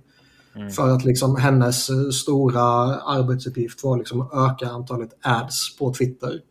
Och liksom nu motarbetar man det genom att de mest eh, aktiva användarna inte kan se mm. uh, tweets. Det är ett motsatt VIP-program så att säga. Ja, uh, ja. Det är de som bara är inne någon gång om dagen och kollar, de påverkas inte alls. Men de som faktiskt använder Twitter dagligen, alltså typ dygnet runt, som driver Twitter och som ser till att det är mycket aktivitet åt Twitter, de stängs ute av någon anledning. Mm. Nej, det är helt jävla obegripligt. Vilken dåre det är. Och det är så jävla störande för att alltså så här, hade han hittat på att så här, ja, men du kan inte du får max skicka 100 tweets om dagen eller någonting. Det hade inte varit så jävla störande för att eh, det som är jobbigast är att man man har ju Twitter som sitt nyhetsflöde nu för tiden. Oh ja. Och det har man liksom mm. custom designat i tio års tid. Man har liksom valt ut typ tusen konton som man följer som skriver om det man själv är intresserad av. Blir man låst utifrån det nu ska man liksom okej okay, gå in på Aftonbladet för att se vad som händer i världen och där är 90% av nyheterna saker jag inte bryr mig om. Och ja, det är jäkligt irriterande. Uh, sättet runt det här. Jag vet inte hur länge jag ska hålla på med det här. Det, kan ju inte vara eh, liksom, för evigt. Så att säga. Han kommer ju döda hela sajten då. Liksom. Ja. Uh, Problemet är att det inte finns något liksom, vettigt alternativ. Nej, det kommer, det, det kommer väl komma någon eh, Alltså sociala medier har alltid ersatts av andra oh. förr eller senare. Liksom. Så det, det, kommer väl komma. Men Twitter har ju hängt i länge för att det har varit så eh, bra. Mm. Att det, eh, du kan ju välja exakt vad du vill följa. Liksom. Det, det är ju fördelen. Um... Ja, alltså visst. Jag kollade här nu. November 2010 görnade jag. Mm. Eh, sättet jag hanterade deadlinen eller freelancing var ju att man kunde fortfarande slå på notiser från alla liksom, vettiga konton. Mm. Så de notiserna fick man ju upp i sin liksom, telefon. Men fan, det sabbade ju verkligen freelancing-dagen rätt hårt. Man vill ju kunna ja, det det. följa alla rykten i realtid på Twitter. Man vill kunna se liksom, Jay Fresh spela kort, Dom Lechinskyn spela kort och liksom eh, ja, alla konton man har valt att följa för att det är vettiga hockeymänniskor, vad de tycker om det som händer. Mm. Nu var de helt utlåst från det, tyvärr. Um, det, det, det, det sög ju. Uh, sättet att ta sig vidare från det här nu är ju att Jag vet inte, jag har inte hittat något bra sätt att göra det på, men du kan ju skapa en lista på Twitter, mm. alltså en list som du... Um, har du flera Twitterkonton så kan du välja att följa den listan från andra eh, konton, så att säga. Så att när jag blev blockad på mitt nuvarande så då har jag gått in på mitt andra konto och har jag valt att följa den listan så kan jag ju bara scrolla till och få upp mitt vanliga flöde så att säga. Ja. Eh, då kan jag inte svara, eller jo, jag kan ju svara på mitt vanliga konto. Eh, men då måste jag skapa en lista med alla, med alla som jag följer. Och det, det kommer ju ta eh, tid. Jag vet inte om man kan liksom... Jag har försökt googla om man kan så här, bulkskapa en lista med alla med alla man eh, följer eller någonting. Men eh, det borde inte vara omöjligt. Nej. För i så fall kan man ju ta sig runt där ganska enkelt. För det är, det är inte det att man måste skriva hela tiden. Man vill bara ha det som nyhetsflöde. Vad händer? Liksom? Det är det, mm. det som är det viktiga. Mm. Japp, med det så tar vi och säger tack och jag för den här gången. Som vanligt, när ni inte får att ni har hittat eh, nått den limit så kan ni köta hockey med oss via Twitter. Mig hittar ni på att Niklas på att Niklas Wiberg, Niklas med C, Wiberg med enkel V, Robin på R underscore Fredriksson och podden på SBNHL podcast. Tills nästa vi kan, gång. Ja. Vi kan väl säga också att det är något som strular med Apple och podcaster. Ja, just det. Det ska vi säga. Just, har, det har inte dykt upp någonting än, eller? Eh, det är i så fall om det gjort de sista timmarna nu sen vi spelade in. Men innan dess har det inte dykt upp något. Nej. Det är bra, då har vi fått in den brasklappen. Förhoppningsvis så löser det sig snart. Tills nästa gång. De är ju hopplösa att ha att göra med. Har alltid varit det. De är en alldeles för stor organisation. Och Niklas får hata på det också. Tills nästa gång, ha det gött. Hej!